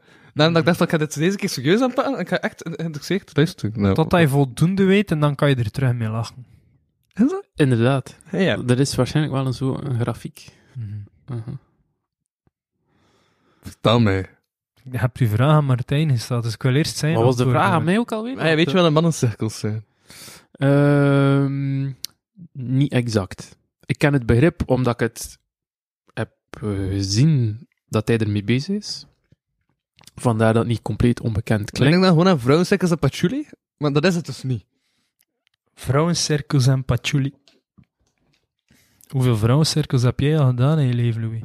Ik, ik ken het beeld van Masseer je soms je eierstokken? ik, ik heb een bachelorproef gemaakt over vaginisme. En ik heb, we hebben toen iemand we hebben toen twee vrouwen uit de vrouwencirkel geïnterviewd. En die deden zo allemaal zwevige dingen. En ik dacht, damn, zo zwevig. Definieer. Wat? Ja, ja, zo, ja zo- Maar oké, maar dat was ook wel omdat er geen medisch achtergrond achter zat. En dan dachten ze van, als je gewoon zo wat yoga doet, dan kun je vaginisme oplossen. En ik had zoiets van, nee, nee, Wat is nee. vaginisme? Vaginisme is een samentrekking van de uh, bekkenbodemspieren, waardoor dat niets meer in de vagina kan. Hmm, oké. En No dat kun je volgens mij niet oplossen door gewoon wat yoga te doen. Ah, ik weet niet, is, is dat, is dat Waarom niet? psychologisch of is dat, hoe, hoe werkt dat dan? Maar dat is, dat is een lichamelijke reactie. Waarom zou je dat niet kunnen Nee, oplossen door, oké. door Nee, dat je kan wel. lichaam Want te het is werken? mentaal, en als ze dat mentaal beter voelt, oké, en misschien is mannencirkel dan ook gewoon... Nee, nee, om maar wacht keer. beter Yoga is niet mentaal. Yoga is net fysiek. Dus yoga is letterlijk je lichaam het werk laten doen om je geest flexibel te krijgen. Kijk, iemand die een heel stijf lichaam heeft, Uh-huh. die heeft geen flexibele geest. Dus als je een flexibele geest wil, dan moet je je lichaam flexibel maken. Als je een, een gezonde, stabiele geest wil, dan moet je je lichaam gezond en stabiel maken. Ze zijn interverwoven met elkaar. Dus Ja. als jij met een bepaalde blokkade zit rond, rond jouw root chakra, rond, rond je muladhara, rond de wortel van je fysieke zijn, en dat klemt daar helemaal toe, ja, dat ga je niet oplossen door te babbelen met de psycholoog over hoe droog dat je staat. Hè. Dat ga je oplossen door terug verbinding te maken met je lichaam. Ja. Hè, als vrouw door met je vrouwelijke lichaamsdelen in verbinding te komen, door zelfbeminning, door zelfliefde te cultiveren, door zachtheid te introduceren in je fysieke lijf. En dan ga je dat terug kunnen openmaken. Oké, het was inderdaad een achterlijke mening. Zo heb je er wel mee.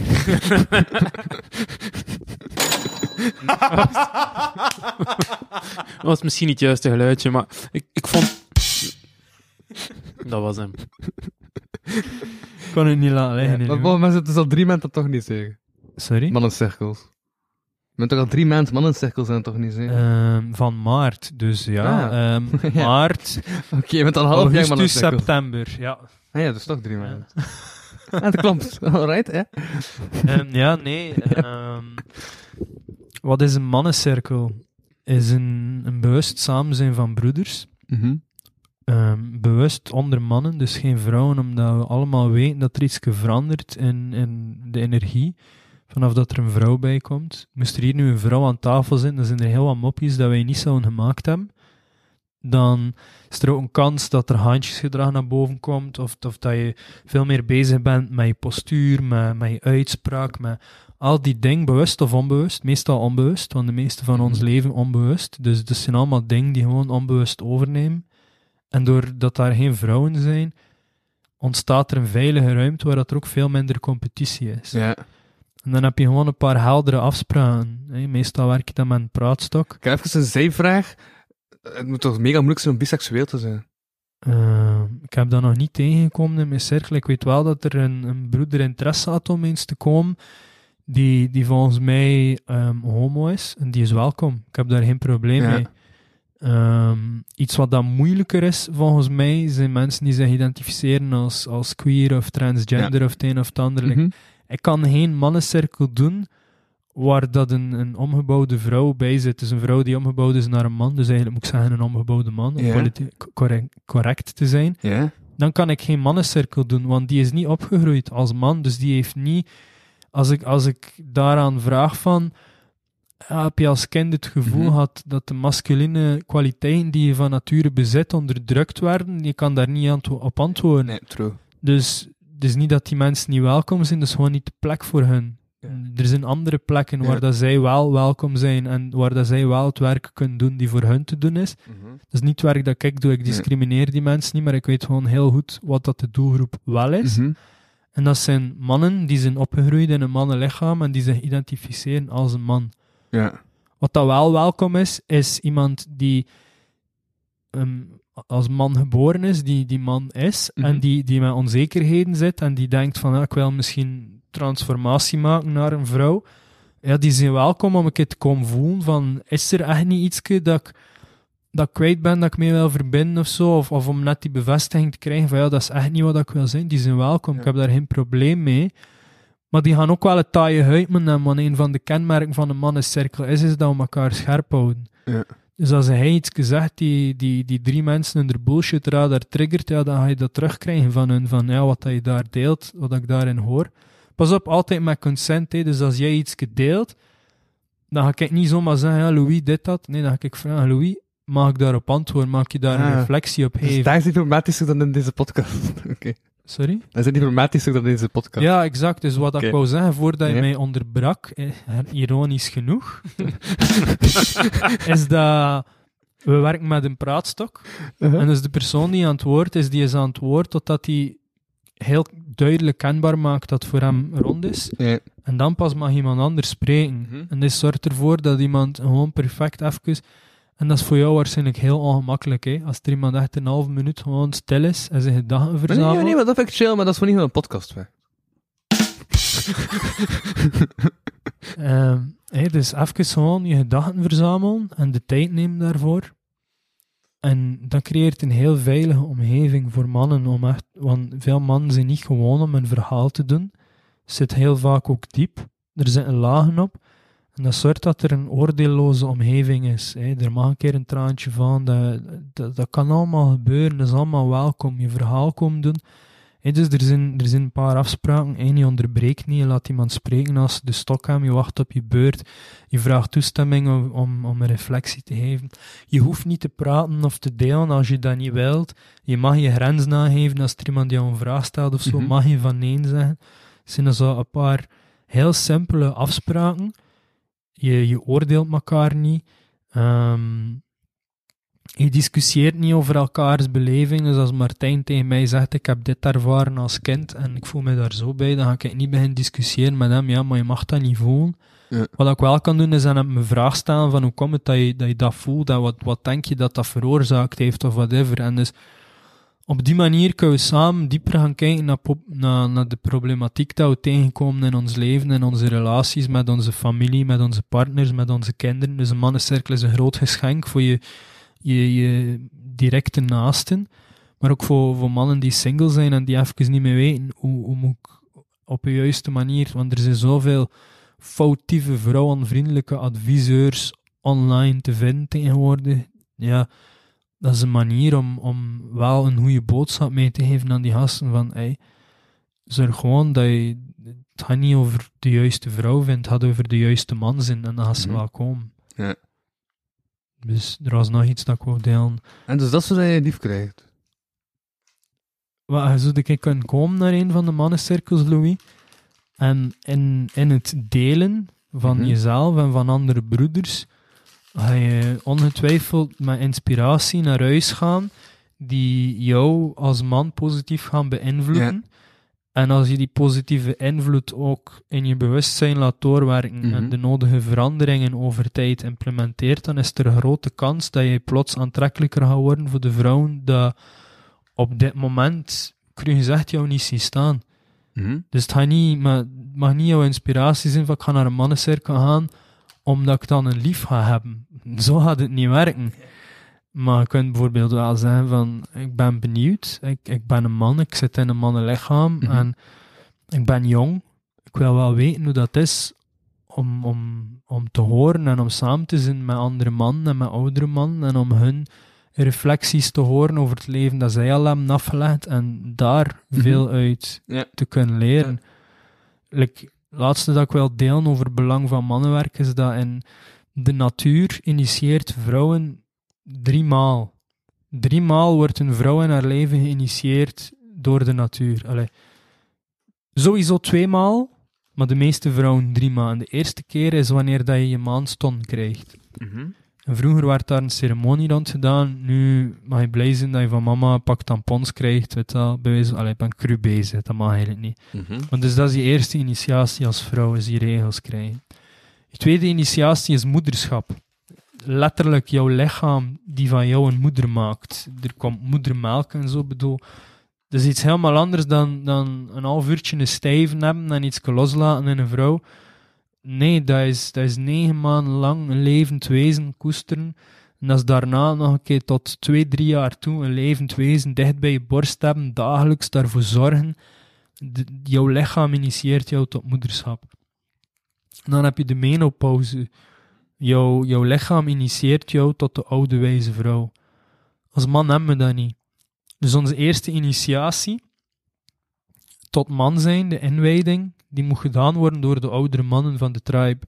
Dat hebben wij niet meer. Dat missen wij enorm. Er zijn initiatieven. Ik heb deze zomer een inwijding gedaan voor mannen en dat is iets dat ik iedereen kan aanraden. Zo belangrijk dat je dat ervaren hebt als man om ingewijd te worden door oudere mannen. Om, om de wereld van je moeder los te laten, om te verbinden met de wereld van je vader En om dan opgenomen te worden in het broederschap. Wat is het dan? Wat houdt het dan in? Ehm, ja, wat houdt dat dan in? Zoals dat ik zeg, dag 1, loslaten van de wereld van je moeder. Ja. Dag 2, herverbinden met de wereld van je vader. Ja. Dag 3, opgenomen worden in het broederschap. Meer mag ik daar niet over zeggen, Ja, ja, want het is ook het niet weten wat dat er komt Mhm. tijdens de inwijding, die, ehm, ja, die, die er kracht aan heeft. Robert Bly schrijft in zijn, broek, I- zijn, broek, zijn boek Iron John, zijn broek, Hey, die schrijft het Eh, een broek.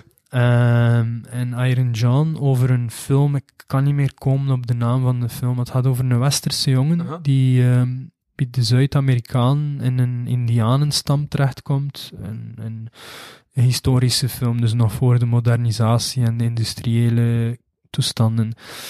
En eh, dus dat is een westerse jong die daar opgevoed wordt. En op een, op een dag zit de chief in het water spelen met zijn dochter en hij ziet dat er iets veranderd is. Like, het is niet meer zo onschuldig als dat altijd geweest is. Er is iets verkennend in hun gedrag met elkaar. Die jongen is duidelijk geen jongetje niet meer, is begin puberen. En dus, s'avonds laat, als hij aan het slapen is, al de oudere mannen van de tribe komen dat jongetje aan, ze sleuren hem uit zijn bed, ze blinddoeken hem, ze dragen hem mee door de jungle en ze smijten hem in een rode mierennest en ze binden hem daar vast en hij blijft daar een hele nacht tussen de rode mieren gebeten worden langs alle kanten, werkelijk de hel doormaken. En dan vanaf dat de zon opkomt, maken ze hem los, nemen ze hem mee naar het water en wassen ze hem en zorgen ze voor hem. Ja. En genezen ze zo, allee, verzorgen ze zo wonden. En dan halen ze hem uit het water en zeggen ze hem proficiat, allee, welkom nu bij een man. Dus het gaat hem daarover. De, de aboriginals hebben zo'n figuur dat voor hun hun Adem en Eva adem is. En ehm, die, die een tand kwijt. Ja. En dus in hun inwijding Komt dit... slaan ze die tand uit van die jongens. Maar dat is dus wanneer dat ze al oud genoeg zijn om geen melktand niet meer te hebben, slaan ze die tand uit. Maar dus voor de rest van hun leven hebben die man een, een, een levende ehm, verbinding met hun Adam. Dat is iets... En dat verhaal is dan de, de tand, komt dan de vrouw uit die tand. Dat is niet, dat is niet waar dat over gaat. Ja, ja, Het gaat over dat.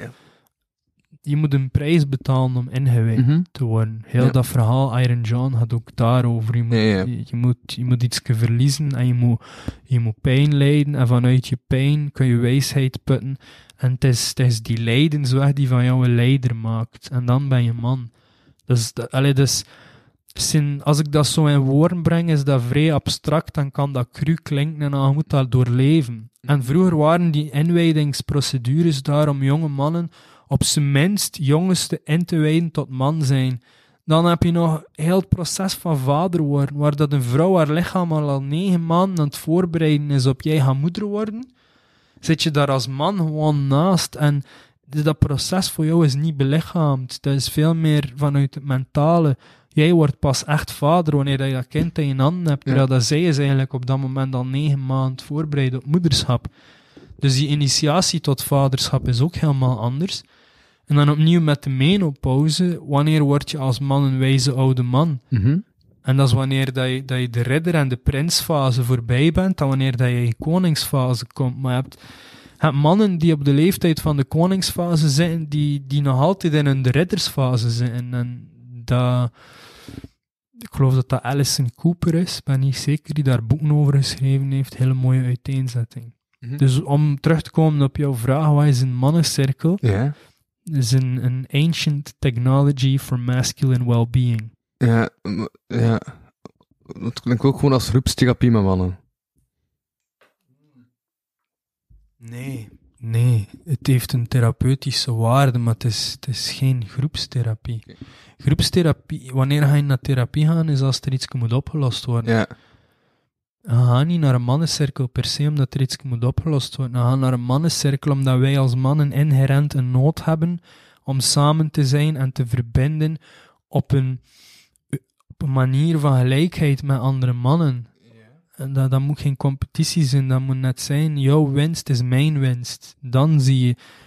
En vrouwen zijn daar al, al toch een halve eeuw lopen zij voor op ons in dat bewustzijn van fuck, wij hebben dat nodig, dat zusterschap. Niet allemaal, hè. je hebt ook al, allee, je hebt heel veel gemene, competitieve krengen van vrouwen die bestaan ook, maar je hebt heel veel mooie, wijze, zachte dames die, die, die verzusteren met elkaar en, en die, die zo'n ruimtes neerzetten waar dat ze inderdaad kunnen praten over dat ding dat je daarnet zei van die bekkenbodemspier zit vast bij mij. Ah, oké, we gaan die oefening doen samen.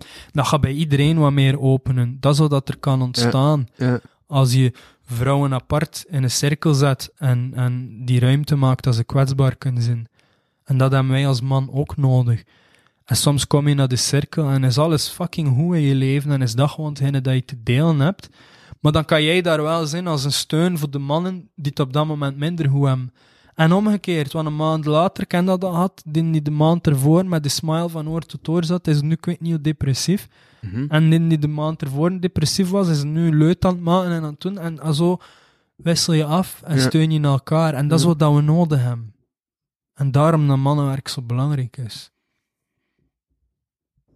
Mhm. Is dat een antwoord op uw vraag? Ja, Louis? ja ik, ik vind het nu wel minder grappig. Maar, eh, nee, ik vind, ja, dus, dat is duidelijk. Ik ben dat bijna, ja. Nu heb je hoesting om een keer af te komen, hè? ik voel het. Wees welkom, broeder, zoals je bent. En dat is als een bredene dat je dat niet zei. Ehm, ja, in Bredene doe ik eentje maandelijks.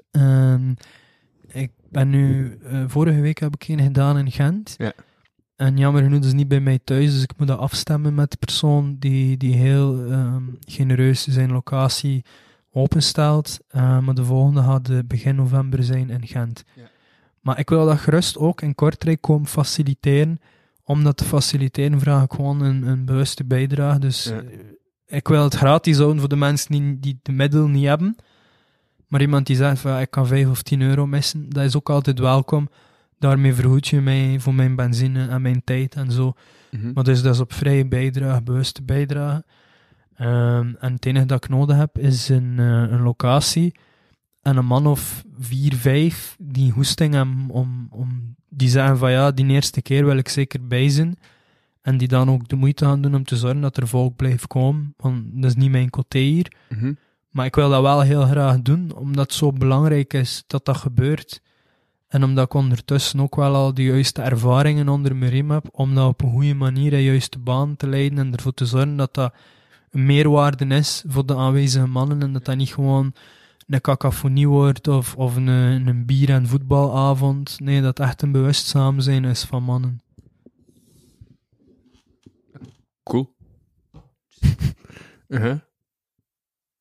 Voilà, en dan zo weet Joy elke leutige podcast te verneuken.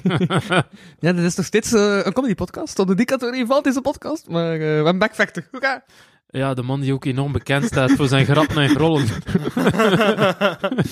Ten koste van NVA'ers en Vlaams Belangers. Heb ik dat al gezegd? Ik weet dat niet meer, ik ben nou mens, maar heb ik dat al gezegd? Dat ik geboekt ben voor iets te vertellen over, voor een workshop te geven over comedy in de woordkunst? Ja, dat heb je verteld in de vorige aflevering met... eh Was Tom Driessen niet beschikbaar? Of? Maar het gaat, het gaat echt over...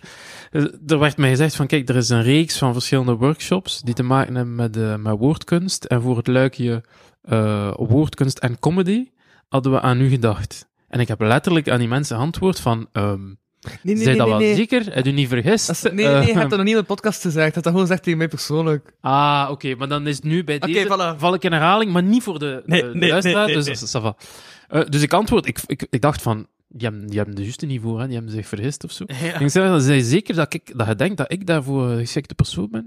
En bleek eff- effectief een bewuste keuze te zijn. Die zei van, ja, ja, ja, ja, ja, want eh, ik vind dat je ja, dat altijd zo wat een, een, een snedige, cynische insteek in je teksten. En dat heeft iets grappigs, een vocalist. En- ja, maar jij gebruikt zwarte humor. En, allee, Maar dat is, dat, is, dat, is, dat is zelfs niet bewust, ja, eigenlijk. maar- Ik, ik, ik zei ook tegen die mensen van... ay, tegen die dame van... eh, eigenlijk... ehm, mijn in- insteek is altijd van, van heel serieus te zijn. Ja, Ik ben bloedserieus, Ja. maar blijkbaar maar dan vraag ik uit zich dat niet al... Maar jouw punches kunnen aan het lachen zetten, maar als, als je naar mij zou zeggen van... Uw buikplay, ja. Wie zou je boeken voor een, een, een- voor comedie en Voilà. woordkunst? Zou ik denken aan iemand like Tom Driessen of Droge Piet. Droge Piet is fucking Voilà, hilarisch. voilà, voilà. Hij heeft zijn naam, artiestennaam ook niet gestolen, Ja. natuurlijk. Mensen is super droog. Ehm, maar ja, kijk, dus we gaan zien wat dat, wat dat, dat geeft. Ik weet niet of dat... ik- ja. Misschien dacht- werkt dat. Geen een Disney naar de Pieter, maar ik dacht altijd dat dat ging over zijn eh, relationele leven.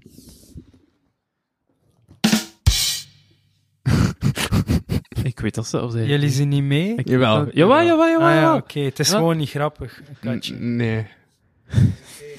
Het is, het is, het is oké, En Louis. ineens bepaalt hij zo keihard wat het er Maar het is, het is oké. en wat niet. Nu weet ik hoe dat jij je voelt. Chance dat we de geluidjes hebben. Ja. Maar ik blijf erbij dan een point, point, point. Ook wel, Nee, maar ik heb eh, dat... Maar ik heb die... Ja, nee, oké, oké. De volgende, de volgende Welke keer... geluidjes Maar- heb maar- je? maar- Wanneer is die podcast met Spans en, en Sibal? Misschien de veertiende, maar ik weet dat nog altijd niet zien. We hebben applaus. Ja. We hebben de gitaarriff. We hebben de kassa. En de En er drum. kunnen er maar vier of wat? Of wat is Ja, dat hier ook ja niet? dat kunnen we... Nee, nee, nee, dat is mijn gsm. Dat moet eruit, hè. Dat applaus is voor niets. man. Ja, pwa, pwa, pwa, in de plaats. Oké, cool, cool. Dat gaat. Denk ik, hè. Kan dat, Democratisch, wat ik kan denk dat jij? aanpassen, maar Wat- niet tijdens de opname kan ik het niet aanpassen, maar ik kan dat wel tegen de volgende keer. Dus als u met Spans en MC Bal zitten, kan ik dat wel aangepast hebben. Het is oké, het is al 20 voor, dus je hebt nog 5 minuten van mijn tijd. Ah ja, voilà, het is to- totaal geen zin hebben, omdat... ehm, en ik heb nog een foto van je nodig. Een foto van mij nodig. Ja. Heb je de juiste papieren in orde gebracht en de overschrijving Ik heb een gemaakt? foto van of, eh, Backpacking nodig. Een portret En- en- Eh, Hij moet hij zijn handtekening zetten op de muur. Maar is dat nu op deze, ja. op deze mooi Nee, beverfde staat- muur? Nee, nee, nee, nee, nee, dat is bij de andere naam. Ah, toch? Ah ja, oké. Ja, ja. Spannend, spannend. Eh, maar ja, dat is Studio Mikasa 2.0. Ja, voilà. Heb, eh, heb je nog even... Pak nog een Patreon op, woorden. Eh, hoe laat is het? 20 voor 20. Eh, maar wat kan ik in de treinuren checken? hè? Eh, Ga je wegvluchten? Ja. Mensen moeten ook... Mensen moeten nog thuis geraken, hè? Ja, ja. Niet dat het niet interessant is, Goed, maar ehm, kijk, op een woordkunstpodium is dat not done om je gsm boven te halen, maar hier doen we gewoon. En het einde van de kapotkast kan dat kunnen allemaal. zien, ehm, Ik kreeg een kwartier extra. Vind ik kwartier extra. Ik heb gekeken net en het is drie kwartier rijden en ik wil er graag om negen uur zijn. Ja. Eigenlijk heb ik gewoon zin om te gaan liggen in bed en te knuffelen, maar ik kreeg een kwartier extra van me. Maar ja, we kunnen ook lezen. Uh, Dat is in mijn type niet. uh, ja, dat ik al door. Mhm. Want ik cringe. Dat heb ik Nou, man, dat, dat is het niet hoor. Dat vind ik ook wel soms Ja. leuk aan een vrouw hoor. Als er een goed gevoel voor humor in zit, dan kan haar wat plagen. Dus Ja, eh, op dat vlak zit je goed. Ja, nice. Genoeg dingetjes om je op te plagen, maar... zo, wat andere dingen, zo het niveau van gezichtsbeharing en dergelijke. Maar ik heb net met mijn baard afgedaan. ja, maar ja. Nog te veel, oké, snap Dat hij een baard noemt. Hé, maar ik had een baard. Like, ik, wat dat Toch heb je me gezien? Met mijn baard. eh, ja, ja, dat is juist. Hij had, me- hij had meer baard dan Ja, maar nee, wat dat er op mijn gezicht staat, klassifi- klassificeer ik zelfs nog niet als een baard. Ah ja, Dus oké. eh, wat dat jullie hebben, dat is gewoon, dat is zo, de, sp- dat is zo die gele spons in de pombak waarmee je je pot proper maakt. Ehm, ehm, ik- ah, toch, ja. Ja, over sponsors gesproken, weet nog die eh krokante ik nog iets eh, testen? sponsortoestand? Ik wil... Boef het op, vent. Je zit er al een uur of drie naar te kijken. Ja, maar ja, de rest ga ik dan voor de volgende aflevering behouden. Wat ligt er dan nog? Ik, kijk, is het ook een goeie, nee, ligt dat ik weet niet hoe ver. Ah, Moest je goede host zijn, te zorgen dat er hier een schaal staat. Ik ga je even wat tips geven, hè, wat stijltips. Kijk. oké? Je legt hier een schaal. Je zorgt dat daar die shit in een schaal ligt. Zodat dat mensen hun dat zo kunnen nemen. Ook stijltips, je zit daar met een camera. Heeft mensen geen plastic flesje, maar De koopt in de, in de kringwinkel een, een mooie eh, een mooie kruik, dus noods een glazen kruik of, of, of een stenen kruik. En doet daar water in, flessenwater, geen kraantjeswater, mensen niet beginnen verheftigen. Doet daar water in en zet hier een Dan paar had, ik het ook, glazen. dan had ik het ook niet gezien dat Van der Leyen was. En dat ging mega veel chiquer in. Dat is Savatta. Maar tuurlijk mag ben je aan het plagen en tegelijkertijd goede adviezen aan het geven. Oké, oké, oké. Maar ik heb, maar ik heb heel lang... Hij weet dat. Ik heb heel lang gewoon met een baat, maatbeker op tafel gezet en een paar glazen. Maar een maatbeker is niet chic, broer. Ik kan het echt over, over like, een... Maar het een- heet de kapotkast. Het heet niet de fancy kast. Oké. Het is een stijlconcept, Joy. Het is bewust. Ik, ik denk dat ik hem boos aan Het is een keuze. Ze is in de grens van Louis Plagen aan het bereiken. De stem wordt verhoffen, het gezicht wordt wat roder. Nee, dat is omdat ik aan het bloos ben over schoonheid. Mm. Mensen zouden zich kunnen afvragen waarom dat er in het plastiekje zo nog een plastic bakje zit. Ja. Toch? Zwart. Maar het is echt gewoon zo die... Je weet wel, zo, je hebt zo die hamburgersnoepjes. Uh-huh. Maar het zijn ook hamburgers, dus ja, dat is, dat is logisch. En je zit daar gewoon stuk per stuk aan het opeten. Je legt geen gevoel voor stijl, broer. Je ook mogelijk eh, een stuk laten weg. De poes gaat wel vinden. Sterven. Ik ging juist zeggen, volgende week begrafenis Ja, van de poes. ja. Poes is dood. Long live de poes. Wil je een speech komen Wil ik een speech komen geven? op de begrafenis van mijn kat? Sorry? Wil je een speech komen geven op de begrafenis van mijn kat? Wil ik dat? Eh, ja, oké, maar ik heb die wel geteld 10 seconden gekend daarnet. Dus ik weet niet of dat ik de geschikte persoon ben. Oké, daarom kijk ik nu naar bekvechtig. Ja, Zo ik, ik twijfel al of dat ik de geschikte persoon ben om een comedy workshop te geven. Laat staan dat ik de geschikte persoon ben voor een kattenbegrafenis. Ehm, Zit er bruikbaar materiaal in uw podcast vandaag, Louis? Zeker, zeker, zeker. Nee, nee, ik weet dat niet. Ik weet dat niet. Maar we hebben natuurlijk 15 minuten over schrijven gesproken. Is dat interessant? dat was niet puur over schrijven, hè. dat was over het kunstenaarschap in het algemeen, toch? dan is interessant. Mhm. En, en bij uitbreiding zitten daar levenslessen in. De uitbreiding. Ja. Dan wel. Omlaat is die trein, Martijn. Had jij niet vragen voor ons? Vragen, natuurlijk. Ik kan altijd vragen. Ehm 20 uur 38. Zo lang ga ik niet blijven, vriend. Ehm ah, ja, ja, juist. Hoe moeilijk vond je dat nu eigenlijk om juggy te zijn? Want dat is de eerste juggy. Ja, Johnny is al 15 dus keer juggy geweest. Dat is niet waar. Nog maar één keer. Nee, eh, bij het, eh, bij het West-Vlaams kampioenschap Slampout is hij al twee keer juggy geweest. Nee, één keer. Hm, Twee keer toch? Eén keer. Ja? Ja. Dus wat dat Siebrand gedaan had, was het eerste jaar ehm had ik gewonnen. En het jaar daarna had hij mij gevraagd om mijn titel te komen verdedigen. Ja. En dan is Vorre geworden, gewonnen. En dan het jaar daarna heeft hij Vorren in de jury gezet. Dus heeft mij een jaar geskipt, omdat Vorre zijn titel niet wou verdedigen. Ah. En dan heeft dat, denk ik, vier of vijf of zes jaar geduurd. En ik denk dat hij me twee jaar geleden of zo dan gevraagd heeft om, om te komen jureren. Ja. Ja, twee jaar geleden. En dat is altijd Siebrand al geweest die dat organiseert, of wat? Ehm, ik denk dat hij daar wel altijd een vinger in de pot gehad heeft. Ja, Ah. dat weet ik niet zeker. Maar toch zeker die edities dat ik Oké, het over heb. Ja. Ja. En had, had hij hem ook gejureerd toen? Of toevallig niet? Ja, Of hij toen- mijn, mijn, mijn, mijn, mijn allereerste spoken word optreden ooit was voor een wedstrijd, want ik dacht dat is zo spoken word werkte. Ehm, en toen was jij juggy. Dat was met Marianne de Ridder. Ja. Ja, dat is de enige keer dat ik jury ben geweest in ietske. Ah ja. En nu de beste van het Westen. Dus dat gaat de tweede keer zijn. Is er nog niet meer rap ook? Nee. Ah. Nee, een tijdje geleden had Siebrand mij wel gestuurd of dat ik vrij was, omdat er battles waren. En eh, dan zei hij van het was voor de jury, maar ik, ik kon niet die dag. Ah ja, ja. Dus Ik dacht dat heel was. nee, nee, nee. Ondergewaardeerd. Of misschien gewoon niet zo Ongeschoold. moeilijk of dat ik denk van mezelf dat ik ben. Wat doe je daar echt, juggy? Ik vind dat een interessante rol. Ik denk dat ik dat ook wel goed kan, omdat Ja. een van de dingen dat ik van mezelf geloof dat ik goed in ben, is dat ik de, de persoon en de kunst kan onderscheiden van elkaar. Like, die keer dat ik jury was in, eh, op het West-Vlaams kampioenschap Slam, ehm, is mijn ex komen meedoen. En ik vond dat niet zo leuk. Ehm, maar goed, dat was zo. En ja, ik heb naar mijn gevoel wel eigenlijk heb ik het omgekeerde gedaan van wat ik denk dat iemand zou doen. Je zou denken, ah, dat is een ex, had daar geen goede- vibe mee, had hij minder punten geven. En eigenlijk heb ik die iets meer punten gegeven dan dat ik vond dat ze verdiende dat. Omdat ik bang was dat als ik mijn echte score gaf, dat ze ging denken dat ik haar expres slechte punten aan het geven was. En Marianne de Ridder is echt een coole madame. Zij zei dan achteraf tijdens, tijdens ons overleg zo van... Maar ik wist dat je dat ging doen, dus ik heb minder punten gegeven. wow. Want, en dat vond, ik, dat vond ik echt cool, dat ze dat zo gelijk door had van, van dit gaat dat niet doen. Ja.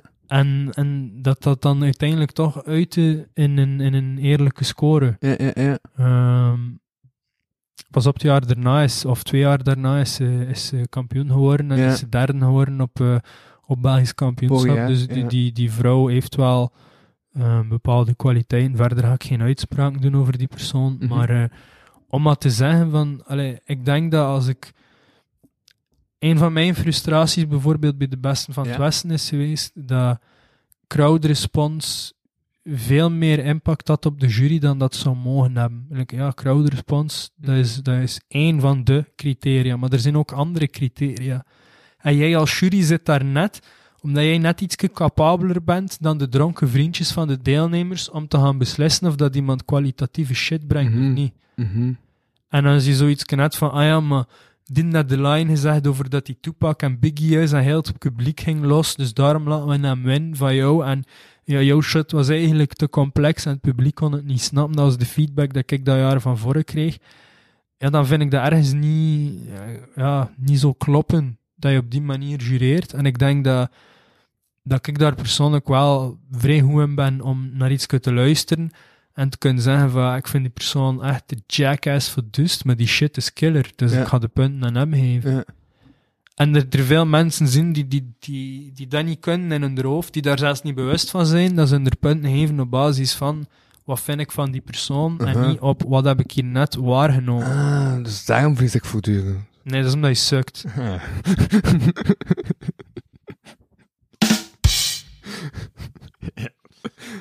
Gelukkig dat een luidje hebben, zo is niet dat is een keer zweeg ben, zo. Nee. En Daarom hebben we dat een luidje. Snap je niet waarom ik op telefoon moet staan? Ja, ja, het is wel leuk, het is wel leuk, mijn oor begint wel pijn te doen. Nou ja, Ja, gevoelig manneke, hè. oké. Maar, wat vond jij nu ik van jureren? Ah, Ik vond dat ook interessant, gelijk dat hij zegt. Ik vond dat ook wel een zijn nog interessant... wel int- eh, ja. Ja. Maar de, de omstandigheden moeten wel eh, juist zitten. Zoals? Zoals, eh, ik vind dat Yannick dat goed organiseert, dat hij veel moeite doet om, ehm, Yannick Mouzon? ja, Ja. om het, baard. Jannik Moezel. om het format Dat te is pas een baard. Dat is waar. Om het, om het format te blijven eh, verbeteren, om, eh, om te sleutelen aan dat wedstrijdconcept. Ehm, niet met het idee dat je ooit een perfect resultaat kunt bereiken, maar ik vind dat hij dat wel goed doet. En eh, andere juryleden vond ik ook interessant. Had Tom en had Manu. Manu, Mhm. is, Manu is een heel goed jurylid. Ehm, die kijkt goed Ja, en die kan zijn ja. oordeel ook, heel goed, rappig. ook heel goed verwoorden Jullie achteraf. bench voortdurend, hij en Tom. Ja, dat was die avond. Hadden we blijkbaar andere mening. Maar ja, maar, dat was. hey, ging dat over u eigenlijk? Hadden wij over u ook een andere mening, een uiteenlopende mening? Of, eh, Ja, jawel, jawel. ja, toch? Maar ik herinner me niet meer. Oei. Zwart. Maar Nee, nee, dat nee, gedaan- nee. Dat is poëzie en dan niet poëzie en dan zoiets. Ah, ja, ja, ja, ja. Dat ik zei dat het niet per se poëzie eh, Ja. eh, hoeft te zijn of zo. Ja. Ja. En ik breng niet... En dat Tom Typisch zei, poëzie. ja, wel poëzie. Ja. Ja, oké. Maar ik breng gewoon rapnummers die ik niet op een beat krijg. Kijk, voilà. Een rap is een ritmische, artistieke poëzie, dus... Ja. Voilà. Maar en dan als ik het bezig, eigenlijk mocht ik, omdat Tom zei tegen mij van, eigenlijk al die popcultuurreferenties eh, van Vlaamse popcultuur gaan niet weg in Nederland. Mocht ik volgend jaar meedoen en gewoon alleen maar Nederlandstalige popcultuurreferenties gebruiken. Zou dat Dan dan je er niet door in België dat ze dat niet snappen. ja, je verschuift het probleem slechts. Louis? Dus wat, wat je moet doen, is Amerikaans fruitboeven en gewoon Amerikaanse popcultuurreferenties doen. Dat Ah. gaat heel de wereld snappen, maar we zijn allemaal slaafs van de conglomerate. Kijk, en zo kunnen die hamburgerstekst toch nog gebruiken. Ja. Hey. Nee, ik heb uh, referenties naar Lucas Lely en Johnny Trash. Dat heb ik niet verstaan. Kun je dat Ik nog heb een referentie naar Lucas Lely en Johnny Trash, want dat rijmde uit op Bickies en Towns. Nee, nee, nee. En populairder dan Bash, dan een heerlijk naar heerlijk, na- na een smacktest. Zo zie je maar, Bickies en Towns are the best. Top poëzie! Dope. Ik heb eigenlijk een vraag voor jou, Louis. Nee, nee, maar like altijd, ik zit serieus voor die shit. Hè, maar mijn ADHD-brein vindt het heel moeilijk om teksten van buiten te leren. Dat duurt, dat duurt echt weken tot maanden voor mij om één nummer echt Ah, ja. er goed in te hebben. Nu, ik heb vernomen dat jij voor jouw... ehm, Louis Vano Experience. ja, die nachtmerrie dus. ehm eh, Twee euro en een half enkel. en eh, dat je daarvoor elke maand zeven nieuwe nummers schrijft. En van buiten kent. Ik exact, exact. Ik ging vragen, hoe de fuck doe je dat? Uh, en eh, ik heb wel een functionerend ADHD-brein. Ja, oké, maar dus vertaal, want er is no fucking Nee, way dat dat, dat dat gewoon, dat je dat schrijft en dat je dat van buiten kent. Ik Er- lees dat een paar keer, ik zit dat voortdurend te luid op te oefenen en boem, ik ken het van buiten. Ik heb een tekst Ah. met negen op woensdag en zaterdag kende ik ze. En hoeveel keer herhaal je die dan op die twee dagen? 100 keer? 200 keer? Nee, 10, Minder? 15, 20. Fuck you, gast. Sorry, sorry. Het spijt mij dat ik iets kan. Maar ja, ja. Hm? Nee, echt, dat is, dat is bijvoorbeeld de reden waarom dat ik eigenlijk al jaren niet meer meedoe aan slams en zo, is omdat ik zo... Ik schrijf heel veel. En ik heb echt een paar werken waarvan dat ik denk van fuck, hiermee zou ik echt kunnen winnen. Ja. En dat is zo van, ik moet dat van buiten leren. Ik ben te moe. Ik, ik- I got no energy for that. En dat is zo... Ik, omdat ik gewoon weet van, als ik die tekst van buiten wil leren, dan moet ik hem zeker honderd keer herhalen. Ah, nee. Worden dat ik er Ja. echt in heb. Ja. Ja, dat, is- ja, dat probleem heb ik dus niet. Daarom kan ik de Louis van ook spelen. Nice. Ja. En zo, zo werken voor de kost tussendoor, dat... Maar, hey, ik, ik of ben- hij studeert... stu- Studeer hoe, zo- hoe zit dat eigenlijk? Kom. Ik, ik ben nu bezig met een... ehm, ik ga misschien stage doen bij het Vermijdenfonds trouwens. Maar ehm, ik ga nu... ehm, ik ben nu eh sociaal-cultureel werk aan studeren, een graduaat.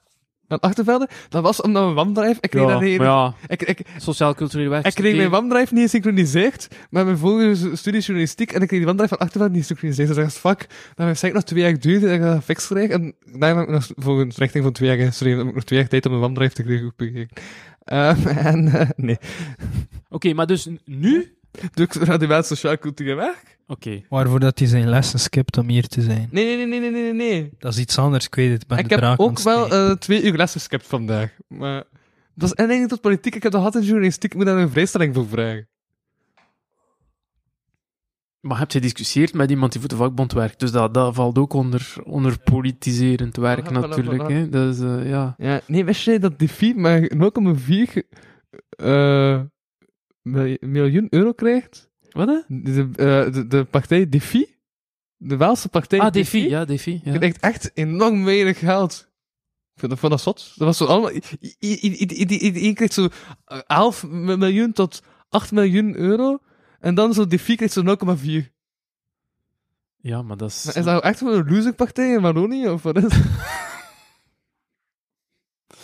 Dat is geen grote partij in elk geval, nee.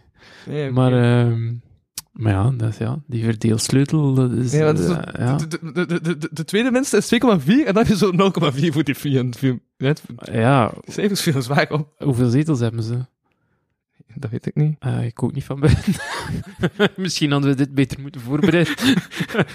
ik weet niet of het mijn studies zeggen, hè. maar, ja, voilà, dus dat is wat ik doe. Eh, en ik werk ook als communicatiemedewerker voor Nuchtlab. Maar dus, wacht, wacht, wacht. Ik heb sociaal werk eh, gestudeerd ooit. Hij studeert nu Ja? sociaal, Ja? cultureel. Cultureel Ja? zelfs. Ja, ja. Oké, dat is dezelfde optie. Ik werk nu in communicatie en jij... Ik ben communicatiemedewerker in Nuchtlab.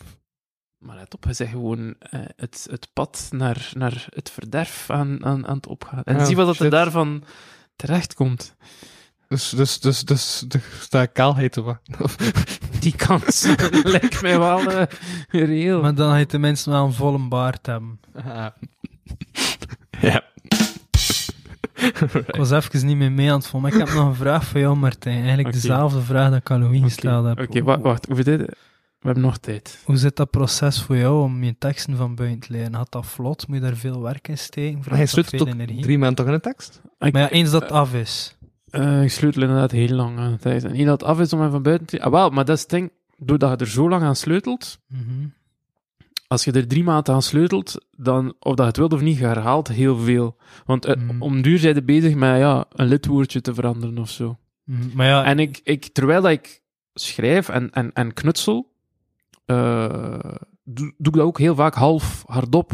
mhm. Uit ik weet, niet, ja, een soort van reflex of zo. Omdat je dan niet alleen ziet wat dat er beter kan, maar als je het hoort, Mhm. dan, heb je, allee, dan Mm. zie je het op een andere Mm. manier, bij wijze van ja, spreken. ja, ja. En ehm, Dat En dus na- ding die zegt naar huis moet. na dat proces, automatisch, ken ik het al een, een, een redelijk groot stuk eh, van buiten. En Ja. dan daarna de fase van echt van buiten leren, is dan, is dan kort eigenlijk, omdat ik er al zo lang mee Ja, bezig, ja, ja. bezig was. Oké, oké. Ik, heb, ik merk trouwens dat ik heb gelogen bij mijn antwoord. Mhm. Eh, ik heb een tekst opnieuw moeten bekijken. Ik ben een plekje over mijn teksten gevallen. En ik heb een tekst gewoon niet van buiten geblokt en dan letterlijk gebracht. En ik heb een andere tekst gewoon aan mensen gegeven. Dus eigenlijk heb ik maar vijf teksten van buiten van de zee. Nee, zelfs minder. Eigenlijk heb ik maar vier teksten van de zee van buiten. Dus ik heb een niet zo'n accuraat antwoord gegeven. Oké. Ik wil dat nog even recht ja, nee, dus dat is oké. Je eerlijkheid siert je... Als, als je zegt van ik sleutel heel lang aan een tekst, is dat dan iets dat je op één dag schrijft en dat je dan lang aan, aan sleutelt? Of is dat iets dat je aan begint en dat je heel lang aan aan het schrijven bent tegen dat dat af is?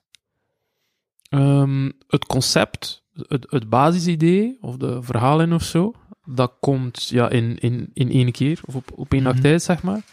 Maar de uitwerking daarvan, de, dat, dat, en ik laat er ook veel tijd over gaan, bewust voor een stuk. Omdat ik redeneer van, als ik daar twee dagen aan werk, ja, dan kan ik maximaal x aantal goede bars vinden, of goede woordspelingen. Of, eh, als ik dat weken af en toe laat rusten en laat Mhm. liggen, is de kans gewoon procentueel veel groter dat er mij een goede woordspeling eh, te binnen valt. En die verzamel ik dan, een verloop van tijd, die verzamel ik. En dan, want die verhaallijn die was er al, dus hetgeen dat, je dan, workshop. hetgeen dat je dan vindt, hè, qua, qua woordspeling enzovoort, zijn wel in dat thema. En dan daarna komt er een fase waarin dat je het zo wat meer aan elkaar kneedt, al die losse stukjes. Het is te laat, Louis. Eh, time, timing is ook belangrijk in de woordkunst. over een net, zei. Over een net, zei. Aan in losse stukjes. Rapjas. Oké. Nee, maar ik vind het wel boeiend om zo jouw proces te Maar horen. Ik denk dat dat voor iedereen heel, heel verschillend is. Ja, welk mijn proces is, ehm, Mhm. ik schrijf dat en dat is op een paar uur tijd. Is een tekst gewoon klaar. Like, het langste denk ik dat ik aan een tekst gezeten heb, is, is zo misschien een, een twaalftal uur of zo. Heel vaak dat ik dan zo nog de dag daarna nog in die vibe zit, zo wel kijken wat heb ik gisteren geschreven. En dat dan wat fine-tune. En als ik dat dan die dag zelf niet opneem, of de dag dat ik het geschreven heb niet heb opgenomen, is er een grote kans dat dat maanden blijft liggen. Dat dat echt zo'n karwei is dat ik enorm tegenop zie om dat op te nemen. En dus zo, ik ben daar niet mee, mee bezig. Dat is niet zo van, ah, ik heb hier een cool idee en daar dan zo maanden over zitten broeden. Ik bewonder dat ergens wel, want ik kan dat dus niet. Bij mij is het dus zo, dat is zo, ja, dat is een ADHD-ding ook, van een hyperfocus hebben. Dat is zo even, ben in een bepaalde vibe, er is een emotie of er is een hoesting. Ik luister naar een beat, ik schrijf daarop, ik werk dat af. En een keer dat ik zo het gevoel heb van oké, dat is rond, dan kan ik dat zo opbergen. En dan ben ik daar niet meer mee bezig. En dat is een vloek en een blessing tegelijkertijd. Dat is een blessing in de zin van dat als ik in een bepaalde vibe ben, gelijk of dat Sam dat noemt, op de hoofdzin, kan ik echt ja, op, op een paar weken tijd binnen een album schrijven, bij wijze van spreken. Maar dat is een vloek in de zin van ja, dat album is geschreven, maar dat is nog niet opgenomen. En, Je kunt ooieslagen zit dat ook. ja. Dat dat zo door hem stroomt en dat dat dan eindelijk keer. Ja, maar dan, dan zit je wel met zo'n hele, hele berg onverwerkte shit dat je nog moet verwerken. En, Ja, en dan zit eh, tot 15 pagina's en zo schrijft die mensen een boek. Nou, Je kunt wel, als je, dat, als je dat proces, als je daar een beetje grip op hebt, kun je wel heel productief zijn op die manier. Ah ja. Ja, het is dat definitie. bepaalde tijdstippen wel. Ja, want ik op, dat is de, een van de redenen waarom dat ik nu thuis een, een, een bepaalde setup heb. Ik heb maar gewoon een paar dingen te verzetten, een paar kabeltjes in te steken en ik kan opnemen. Dat is vrij weinig moeite dat ik daarvoor moet doen. Dus nu dat ik eindelijk op een punt ben, dat ik zo al mijn nummers dat ik al geschreven heb, opgenomen heb, heb ik wel zoiets van als ik iets nieuws schrijf, dan neem ik het op. Maar bijvoorbeeld, ik heb op mijn telefoon een tekst staan op een nummer. Ik heb dat geschreven op een wandeling rond de Blaremeersen. Toen dat ik een keer een middag in Gent was en wat tijd over had. Nee, dus. Ik heb dat niet opgenomen. Ja, nee, geduwd, what up. Ik heb dat niet opgenomen, omdat ik niet in mijn setup zat op dat moment. Mhm. En ik kijk daar nu echt al maanden tegenop dat ik like, niet die vibe vind om dat te doen. En dat is fucked up, want Saxist, die broeder zit te wachten op mij om dat op te nemen en dat door te sturen naar hem. En dat is zo... Weet je wie dat ook nog aan het wachten is? Dus, sorry. Als het niet opgenomen is, dan, dan, dan is het nog niet rond in je hoofd. Dan beschouw je het ook niet als... eh, Nee, is... Je kunt bijvoorbeeld niet zeggen van, oké, eh, ik heb het niet opgenomen, maar het is niet zo erg, want ik laat het als poëzietekst of zo, bijvoorbeeld. Nee, want het ding is, het is geen poëzie. Dat zou een makkelijke oplossing kunnen Ja, maar als ik het als Dat juist zei dat rap poëzie is. Ja, ja. maar het gaat hem over, is, het, eh, is, is poëzie dat je, dat je live op podium wil brengen, of is poëzie dat je in een bundel wil brengen, True. Ehm, of is het poëzie dat je op een beat wilt opnemen en uitbrengen. Het zijn alle drie vormen van poëzie. Maar het ding is wel, de tekst is geschreven, maar het heeft nog geen uitweg naar de wijde wereld gevonden. En dan moet ik er iets mee doen. En het is dat, ik moet dat nu afwerken. Dat Mm. voelt voor mij als een karwei aan. Ik heb nog een andere vraag voor jou, Louis. Je zei Ja, daarnet dat jij ook een ADHD-brein hebt. Uh-huh. Ben je daar ooit op getest geweest? Of? Ik ben eh gediagnosticeerd met ADHD, autisme, heterochromie en een heel knap gezicht. Wat is, wat is heterochromie? Wat is heterochromie, En wie is de dokter die dat laatste heeft vastgesteld? Goeie bers, je hebt niet. Ehm wat is Ehm, heterochromie? Heterochromie is eh, een, eh, een, een kluiverstad tussen de linker en de rechter uh, ah, oké. Ah, oké. Dat is niks mentaal, hè? Nee, oké. Maar dat En, heb ik en wel. hoe oud was hij? Hm? Hoe oud was hij toen dat ze de neurodiversiteit Ik was hebben tien vastgesteld? en toen ben ik reatine beginnen nemen en, eh, de, eh, en op het einde van het jaar zei de leerkracht tegen mijn ouders ik kan exact de dag zeggen dat hij reatine is beginnen nemen, want dat was die datum en dat bleek dan nog te kloppen ook. Dus ik moet echt een heel erge tienjarige zijn geweest. Oké, en neem je dat nog steeds? Eh, nee. Nee. Af en toe, als ik zo zin heb, ik heb dat deze week één dag genomen, toen ik ze had en toen ben ik dat niet meer aan het nemen. Oké, en merk jij een verschil als je dat neemt? Ja, maar dan ben ik zo heel te gefocust en dan denk ik van fuck, het leven is zoveel toffer als je in de rust zit van je ADHD-brein. dan zijn de hele tijd gefocust. Ja. en, en kom je zo dingen tegen in jezelf? ehm, dingen waarmee dat de ADHD je leven moeilijker maakt? Of Eh, waar je mee worstelt? de aandacht bij een podcast en niet voortdurend mensen onderbreken. Mhm. Ik vind dat achteraf, denk ik van fuck, waarom ben ik heel de tijd aan het onderbreken? Uh-huh. Maar tijdens het opnemen, ja, Is dat gewoon leuk, hè? Ik, ik heb het ook hoor. Ik heb Martijn al een paar keer onderbroken en dat ik dan besef, ah, hypocriet. En wel, ik, want ik had er echt moeten op letten als ik naar die mannen zeg gekomen, van dat ik echt van mijn kop hou wanneer dat mensen het spreken zijn. Ja, maar de- daar heb je ook een facilitator voor. En je voelt ook gewoon aan die vibe. Nu zijn wij in zo'n jumpy vibe waar dat, dat van een naar een ander springt. Uh-huh. Maar als je in een vibe zit waar dat iedereen dat doet, Ja. dan pas je je heel snel aan. Ja. Hm. Ja, ik vraag het omdat ik heb vorige week... eh, ik ben gediagnosteerd geweest, denk ik, als ik zo 8, 9, 10 jaar was, zoiets. Ik kan me dat niet herinneren, die testen, die diagnose. Maar moet je moet dat zo'n ding op je kop en zo allemaal neutronen en... Eh, Ga je dat echt niet meer?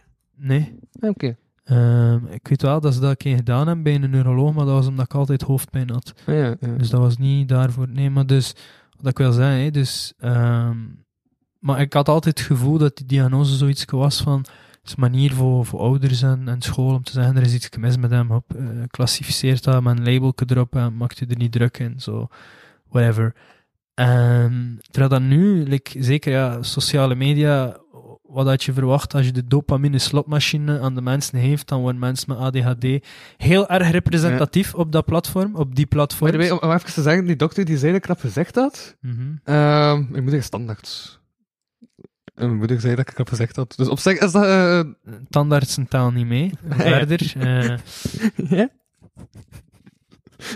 maar dus, moeder dat ik mooi ben. Nee, Ja. dat eigenlijk. nee, het is, het is leutig. Mag de badoemts in doen. Eh, nee, maar dus... Terwijl dat nu besef ik zo van, ah oké, dat is eigenlijk... Want ik heb me daar lang tegen verzet. En ik heb wel een tijdje relatine genomen, maar ik had niet het gevoel dat dat mij hielp. Ehm, als kind natuurlijk, ja, als, als tweede middelbaar zat ik denk ik toen. Ehm, dat ik dat nam. En waar wil ik eigenlijk naartoe is dat Naar huis. ook. Dus je bent aan het uitstaan. Het grappige is, ik heb eigenlijk tegen jou een uur vroeger gezegd dan dat ik effectief door moet, om, omdat ik dit is ook ADHD. en dus ik heb dat, ik heb, dat, is, dat is zo ingebouwde veroudering. Zalig. Nice. Ik heb mij ingedekt. Ehm, nee, maar dus je, komt het nu zo te weten dat eigenlijk zijn er heel wat dingen dat je echt gewoon ondersteuning in nodig hebt. Ehm, Ja, maar ik ga dit jaar ga ik ook trouwens... eh, ik heb dat nog nooit gedaan in mijn eh hogere schoolopleiding. Maar ik heb volgende week donderdag een gesprek met een trajectbegeleider. En ik ga dit jaar toch zo hulp vragen voor mijn ADHD. En wel, ik ben ook daar. Ik ben vorige week in Wetteren geweest. ITOS heet die organisatie. En ik heb daar een intelligentietest gedaan. En morgenochtend moet ik daar terug zijn om 10 uur. Dus dat is ook een reden waarom dat ik het echt niet te laat mag maken vanavond voor een aandachtstest. en dan eh, in, eh, in oktober, grappig genoeg, is dat nu verplaatst geweest naar de middag van de Besten van het Westen. Dus ik mag daar 's middags even eh, een hele uiteenzetting van mijn psyche gaan ontvangen. Om dan s'avonds te gaan jureren. Hopelijk zeg ik daar niet zo van. Eh, maar hoe? We gaan wel zien. Maar ik ben er, dus komt toch...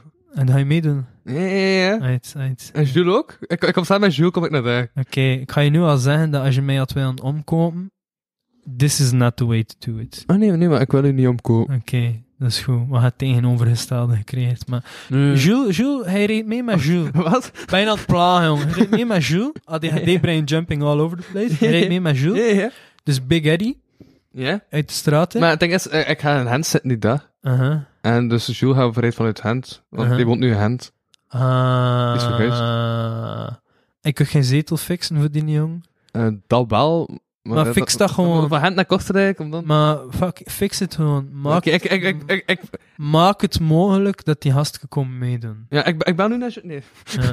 ja. Maar dus, ehm, ja, ik, ik, ik, ga, ik laat mij opnieuw testen, omdat ik eigenlijk nu als volwassene zelf in het heft in hand wil nemen en wil horen en zien van, oké, waar kan ik effectief steun vinden hier? Ik ben heel veel aan het ontdekken, bijvoorbeeld rejection sensitivity dysphoria. Like, ik heb een aantal jaar geleden een relatiebreuk gehad, ik heb daar echt heel heftig op gereageerd. Pas op, dat was ook heel toxische... Is dat nog altijd dezelfde relatie? We gaan, we gaan daar niet, we gaan daar niet in, in, def- in detail Ja, gaan wie dat, dat was. Maar dus dat was heel heftig, van beide kanten. En nu besef ik dat dat voor een groot deel die, die intensiteit voor mij gecreëerd heeft. En dat zijn dan zo van die dingen dat... Ja... is voor Martijn misschien niet zo'n tof gesprek. Ja, nee, ik, ik probeer te volgen, maar als je... Heeft ook ADHD. Ik weet het niet. Ik ben nooit... Die man is ge- 40, die heeft met Gediagnosticeerd... Was ik nog maar veel? Nooit Ja, gediagnosticeerd. over de 40. Dat was totaal geen toepasselijk geluidje, maar ik kan iets nodig. Kan iets nodig. Martijn, wat is uw leeftijd? Ja, eh, waarom, waarom, wacht, waarom, waarom was ik dat aan het zeggen? Nee, dat boeit Kijk, totaal ik kan, niet. zo snel, ik kan zo snel niet de, de verbanden leggen. Ehm, om, om, nee, nee, omdat vroeger werden mensen toch niet zo rap gediagnosticeerd. Dat was mijn rekening die erachter zat. En vroeger... Martijn Het is, nu kan, niet, het is nu ook niet dat ik uit, dat ik uit de jaren twintig kom, hè. Ik bedoel, Ma- Martijn kan op drie maanden tijd zich constant focussen op één tekst. Heeft geen ADHD. We get bored too quickly for that. True. True. Maar ja, focussen op één tekst, dat is ook veel gezegd. Hè? Allee, dat is misschien, dat is soms vijf minuten per dag, of soms helemaal niks per dag. Ja. En dan soms keer een uur, en dan soms... Oké, dat doen wij Ja. niet. Nee, dat Ah, doen dat wij doen niet. Nee, als. ADHD'er is dat een hyperfocus. Dus al die losse vijf minuutjes, ja, dat wordt eigenlijk 30 uur. En die 30 uur die persen wij op één dag. Waardoor dat je... Hallo? Aha, voilà, we hebben de man met de auto en de lijn. Jules, Ja? ehm, ah, wel, ik zit hier nu samen met Infinite Joy. En die doet die vroeg Ja. mij van, zeg, Emily, ik wil meedoen met de beste van het Westen. Zou die mee kunnen met hij en Jules? En ik dacht, ik bel die even live in de podcast. Welkom in de podcast trouwens. Yo. Ah. Eh, wow, oké. Ehm, ja, hallo, dag kapot, kapot, kapotkasthangers. Ehm, ik zit even in een podcast, sorry. Ehm, ja, ik weet het niet. Ehm, Het is mijn backfactor Infinite Joy, het over gesproken werd. en wel, kan dat... eh man ja, het over gesproken woord. Ja, man En er als aan- ADHD en ja, ja. Eh, Infinite Joy, je weet wel? Die van uh, Yes, yes, zeker wel, zeker. En Maar ja, ja, ik- ehm, ja. dan hebben we ook nog Backfactor, de van de Oni. Ah, en wel, hallo, hoorden ze mij of niet? Ja, ja, iedereen hoort u. Wij horen niet. Wel, hallo. Hallo terug. Oké. Ehm, ja, ik kan daar nu niet op antwoorden, want ik weet nog niet van waar ik ga vertrekken aan het beste. Ah, oké. Ja, wat maakt hun dat je van Kortrijk vertrekt, dan kunt die kerel mee, kun je hem terugbrengen naar Kortrijk, dan hebben we een deelnemer extra en dan geef je die jonge gast een push voor zijn carrière te bouwen. Dat, dat is waar, dat is waar. En wat ik had gechecken of het mogelijk is voor van Kortrijk te En vertrekken. doe het en voor dan, de ja, dat is goed, maar het moet waarschijnlijk nog mensen mee van Kortrijk. Je moet ook mee waarschijnlijk, Louis van Kortrijk. ja, ja, ja, maar ik En had wie kun je in de koffer steken? Ja, oké. Maar ik had een keer... eh, Maar ik heel ga- ik ga- lenig. Ja? ik ga ik kijken wat dat kan regelen. Maar ik ga een auto hebben van vijf man, dus we gaan hem dan voorrammen. Nee, van het Ah, beste te gaan voilà, dat ik van voilà, Kortrijk voilà. vertrek. Hier zit een schatje patatje. En waar, kijk. Ik had een checken en dan eh, ga ik eh terugkoppelen. Hè. Ja, heb je nog een boodschap voor de Van Omels van de Minnen en Van Oos? De van... ehm Kun je dat die, nog een keer eh, zeggen in hallo- het Vlaams? Dat zijn de luisteraars van de podcast, die noem ik Van Omels van de Minnen en Van Oos. Alright, van eh, Nomos, zou van de Middens eh, en de Van Oos? Ja, ja, Van Omels is mannelijk, Van no Minnen is vrouwelijk en Van Oos is non-binair. zou zeggen- Wow. Dat is wel cool. Ik zou zeggen, eh allee, chic dat je al hier geraakt van Homos, van no Midden en van Vloebers. Ehm van Homos, ja. Eh, en eh Homo. luister, luister maar naar Zijn de er twee gasten. bezig, hè? Ah ja, naar de twee gasten daar, dat, die gaan wijze dingen zeggen en luister niet te veel naar de host. Maar de, dus de host vandaag... Ja. Op zich ook eh, iets heel wijzes. ja. Wel wat het ja. De hosts vandaag zijn Martijn Neelen en Infinite Joy. en eh, Louis Van O is onze sidekick. Ja. En af en toe is er een Ah, roast. zo, oké, ah, dan moet je niet naar de, de sidekick. Kijk, Luister gewoon niet naar, luister gewoon niet naar de Van Ho en tel hoe.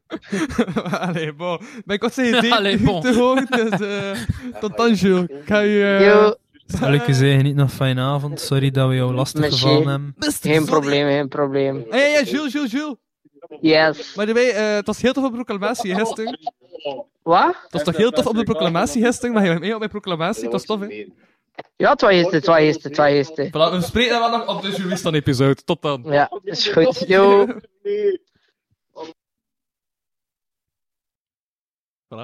Dat is ook geregeld? Dit is dus ADHD in actie. Die Maar- dat hier willekeurig. Een kart nadat van toepassing was in het gesprek, iemand anders opgebeld.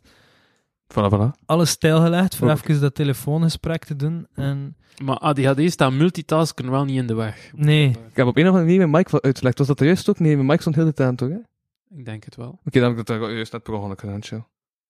Mhm. Wat was je aan het zeggen? dat ik het niet meer weet waar dat we over bezig waren. Ik ging vragen of dat Martijn het wel nog weet waar dat we over bezig waren voordat jij begon te Eh, bellen. voordat hij begon te bellen. ehm, Maar ik wilde even geregeld hebben. Die Je hebt dat goed gedaan, joh. diagnosticering. Ja. Nee, nee, nee, en dat niet van het jaar 20 komt. En dat je dat nu, Nee, dat je van het volwassen jaar bent. 70. dat is dat is dat juist toch? Nee, nee. Nee, ze zijn van de jaren 80. 80. 81, Rond, 1981. Exact, Ah, 80. exact. Ja. match, ik zat er niet ver van, joh. 10 jaar, maar... Nee, nee, nee. Nee, ik was eigenlijk eerder aan het pijzen zo 78, 79, zo eind jaren 70, hè. Oké, oké, oké. Kan ik me leven. Kan ik me leven. Hey. Gewoon omdat je al vallen dat hij eigenlijk al boven de 40 was. Dus ja, 2023, mijn 40 is ja, 83 of daarvoor, hè. Dus ik dacht van, ja, ik kan hem iets ouder, hè, schat. ADHD is ook geen belemmering om snel te rekenen. Ja, Het is te zien dat van die grote cijfers worden, dan kan ik wel cranky worden. Al ik weet nog echt zo lang ging opnemen, maar ik zie nu pas dat we twee uur bezig zijn, dat ik echt nog een Patreon kan opnemen. Maar dat is wat dat ik zei. Oké, kijk, ik kreeg nog een kwartier voor een Patreon op te nemen, maar dan wil ik wel betaald worden. Echt? Dan, ja, we betaald worden. ja, Ik kreeg maar 2 euro. Joy is op die money, yo. Ja, hebt maar één subscriber op Patreon, of wat? Is het je mama? Nee, het is eh, eh, eh, één politieker en Samuel Naas. Wie is de politieker? Alec, eh Alec, Alec, Alec? Ken ik niet. Die heeft dat waarschijnlijk ooit een keer gedaan en die denkt nu elke maand, fuck, ik moet dat annuleren en dan vergeet hij dat weer. En Samuel is gewoon veel te goed voor de wereld. Nee, maar Samuel zit nu in Lissabon. Mhm. Die woont daar nu. En om, en om toch nog iets van link met Kortrijk te hebben. Ah, betaalt hij gewoon elke maand een euro. Terwijl dat in Lissabon kun je voor een euro een middagmaal aan of zo. Ben aan het zeveren, maar het had er niet ver van zijn. Je kun je ook een, gewoon een croissant voor elke middag maken. Kost een euro. 20 in de panel. Van Hans. Heb je kabel genoeg of heb ik dat nu dicht? Terwijl terwijl dat niet... Nee, nee, nee. Hier heb ik veel kabel, maar Wat is dat? Ah, dat is stroom. Ja, ja, dat is de stroom als dat uitvalt en we geen... eh en we, ja. En we geen podcast. Jawel, jawel, dat sla, het slaat automatisch op, maar Oké. dan, dan stopt het. Ja. Abrupt. Einde van deze Oké, ja, voilà. Dus daarbij gezegd zijnde, dit waren Martijn Nelen en Infinite Ja, Joy voilà, dat met was- de sidekick Louis van Cool, cool, O. cool, cool, cool. Dan ga ik nog even aan Jordi bellen om te vragen wat hij vond van de podcast. Want die was bij het begin te horen. En ik kon dus op het einde... wacht, nog- ga nu opnieuw iemand live? Ja, eh, ja, ja, ja, ja, dit wordt zo'n aflevering. Dat is ook kunst. Wat, nu ga je die mens stalken om te vragen wat dat hij vond van een podcast dat nog niet online staat. Het is meta-comedy. Ik wil iets leuks doen. Hallo, dit is met Jordi Spit. Spreek uw eh, ding aan naar de piep en geef uw ding in, eh, zodat ik u kan terugbellen. Dank u.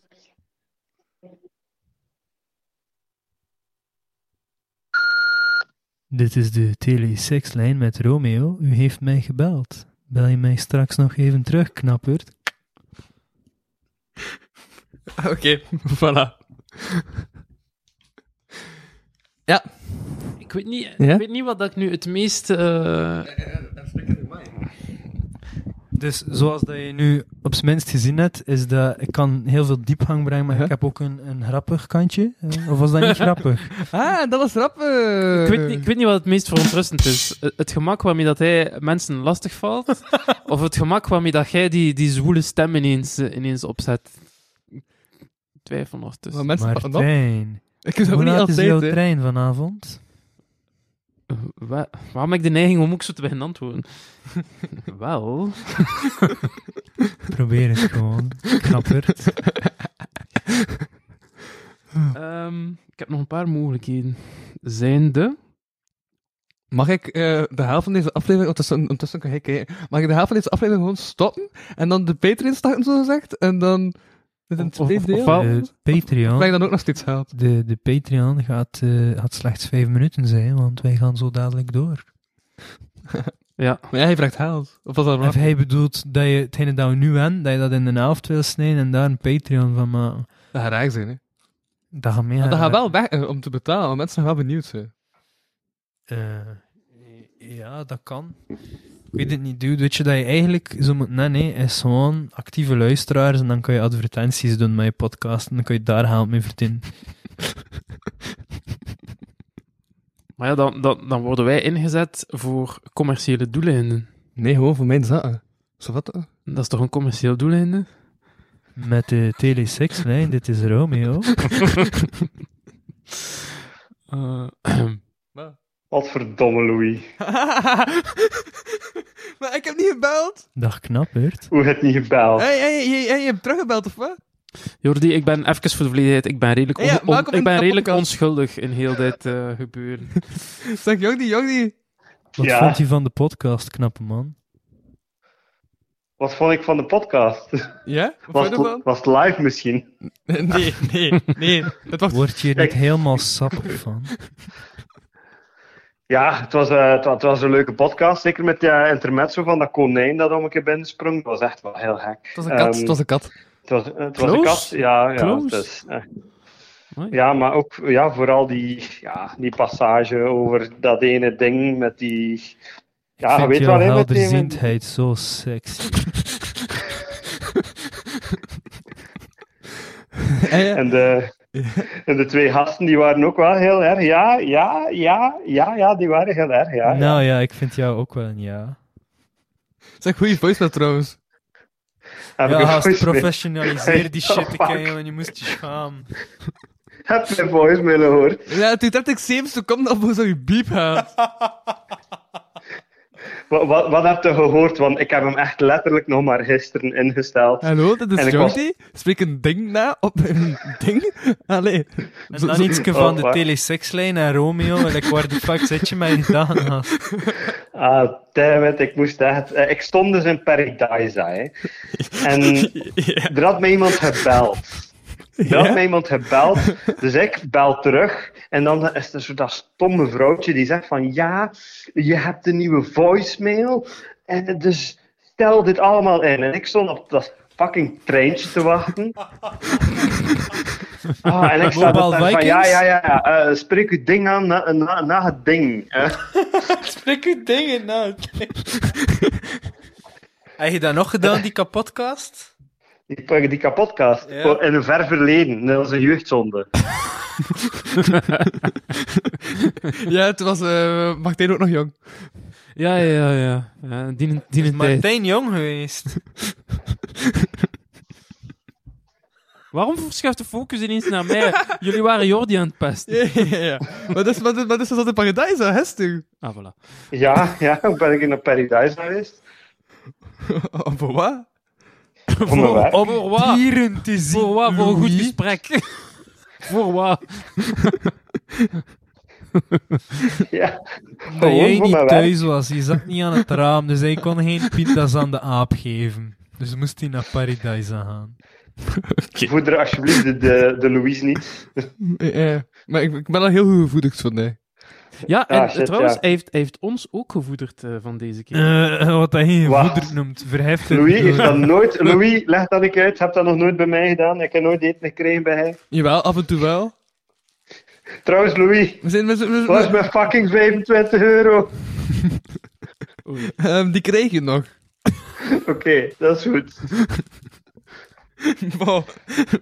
Allee, Jordi, Heb je nog een boodschap voor de Van Omos, Van de Minnen en Van Oos? Noem ons alstublieft Ehm, niet zo. Ik, ik, ik, keep up the good work. We, hebben- we hebben weet hier twee uur. Louis getolereerd. Het goede werk is klaar. Het is tijd om naar huis te gaan. Welverdiende rust. Oké. Ja, Jordi, merci voor je bijdrage. Moet vergeet gedaan. Romeo niet terug te bellen. Moet je nog iets pluggen? Mo- eh, pluggen. ehm, Ja. Ah ja, trouwens, ehm, wacht, wanneer Nee. is dat nu weer? Ik ga, dus volg mij op social media, Jordi-spit op Instagram. En dan kunnen zien wanneer dat ik ga optreden. Ik treed op in Amsterdam en in Brussel. En wat, doe je wel, Jepla.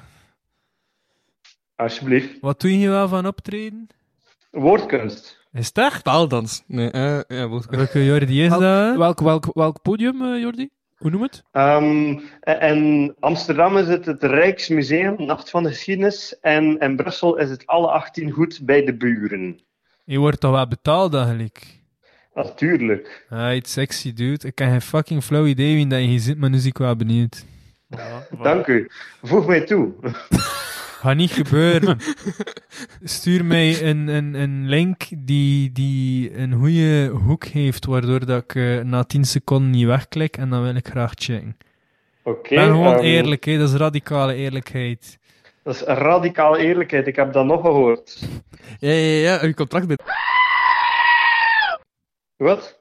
Contract? Literatuur? Welk, con- welk contract? Hij mag dat niet geweten zijn. Nee, dat, niemand, ik- niemand... Ik smijt ingeschrevendigheid, dat is oké. Ik weet... Ja, maar ja, ja, ja, ja. Zo, wat is- maar we gaan afronden. Ehm, eh, Jordi, eh, kun je nog in drie Ja. woorden uw mening geven over mannencirkels? Als einde van deze podcast? Wacht, wat? Op, op wat? Mannencirkels. Mannencirkels. Maar heeft die zijn, heeft die zijn uitleg heel rond. Rond mannelijk en, eh, en toxisch, alsjeblieft. Rond, mannelijk en toxisch. Ja, zoals mijzelf. Eh, Oké, maar dan moet je misschien gewoon een keer erbij komen zitten. Als je denkt dat het toxisch is. Maar ja, hij heeft, heeft een uitleg niet gekregen daarnet, hè. Dus ja. Kan moeilijk in drie woorden. Allee, ja. Voilà, alright, bedankt Jogni. Oké, salut. Tot alle later. Yo! Yo. Voilà. Da! Bon. Wat- Hoeveel, wat- hoeveel mensen heb je nu eigenlijk gebeld tijdens de uitzending? Ja, twee keer en Mr. Zodiac. Ja. Oké. Dus- Louis, wat is het verschil tussen wc-papier en een gordijn? Ehm, ah, wel, dat is wc-papier. En moest dus- gewoon zeggen, ik weet het niet. En ik zeggen, ah, dus het was hij. Nee, het trappige is dat eh, de camera zo staat dat de mensen niet weten wat ik wijs. Ah. Ha, ha, ha, ha, ha, ha. ha. Voilà. En we eindigen met een grap. Altijd goed. Ziezo, dit was de kapotkast voor deze twee weken. Want ik, nu, zet ik hier online om de twee weken. Ehm Enige mededeling aan alle... voilà, ik was Louis van Telefoonhuizen vandaag. En ik eh, sprak met... Ik was Joy van Joy. En ik joy mee. Jump of Joy. Als je, als je dwaas gaat doen, doe het op zijn minst juist. Jump for Joy. Allee, kom, recht staan en spring. Springen, bitch! en hij doet het dan ook zalig. Ik kreeg een wisje van me. Ik kreeg een van me. Oké. Martijn, Eh, ja. ik denk dat dat passend is dat de jongste in ons gezelschap even gewoon de podcast afsluit met eh, een paar mooie woorden. Dus eh ga je gang, jongeman. Ik kan, ik kan sowieso niet zeggen dat het vorige overtreft. Dat, dat gaat gewoon niet. Hmm. Dus- Heb je hem nog niet gezegd? Heb je hem toch nog niet gezegd? waarom zou ik ineens mijn naam... Als Ah, afsluit... zo, We zo, zijn zo, Zo- narcisten. Ah ja, zo heb gelijk de jonge gasten. Ja, volg mij op, eh, bla bla bla, at uh, bliblu. eh. Volg hem via de website van de ABBV voor some real talk. Ja, voilà, ook al. Inderdaad. Right. Voilà. Misschien vind jij hem op een affiche onder de naam Spoken Word. Tot later. Oh. Oh man, ik ga goed slapen.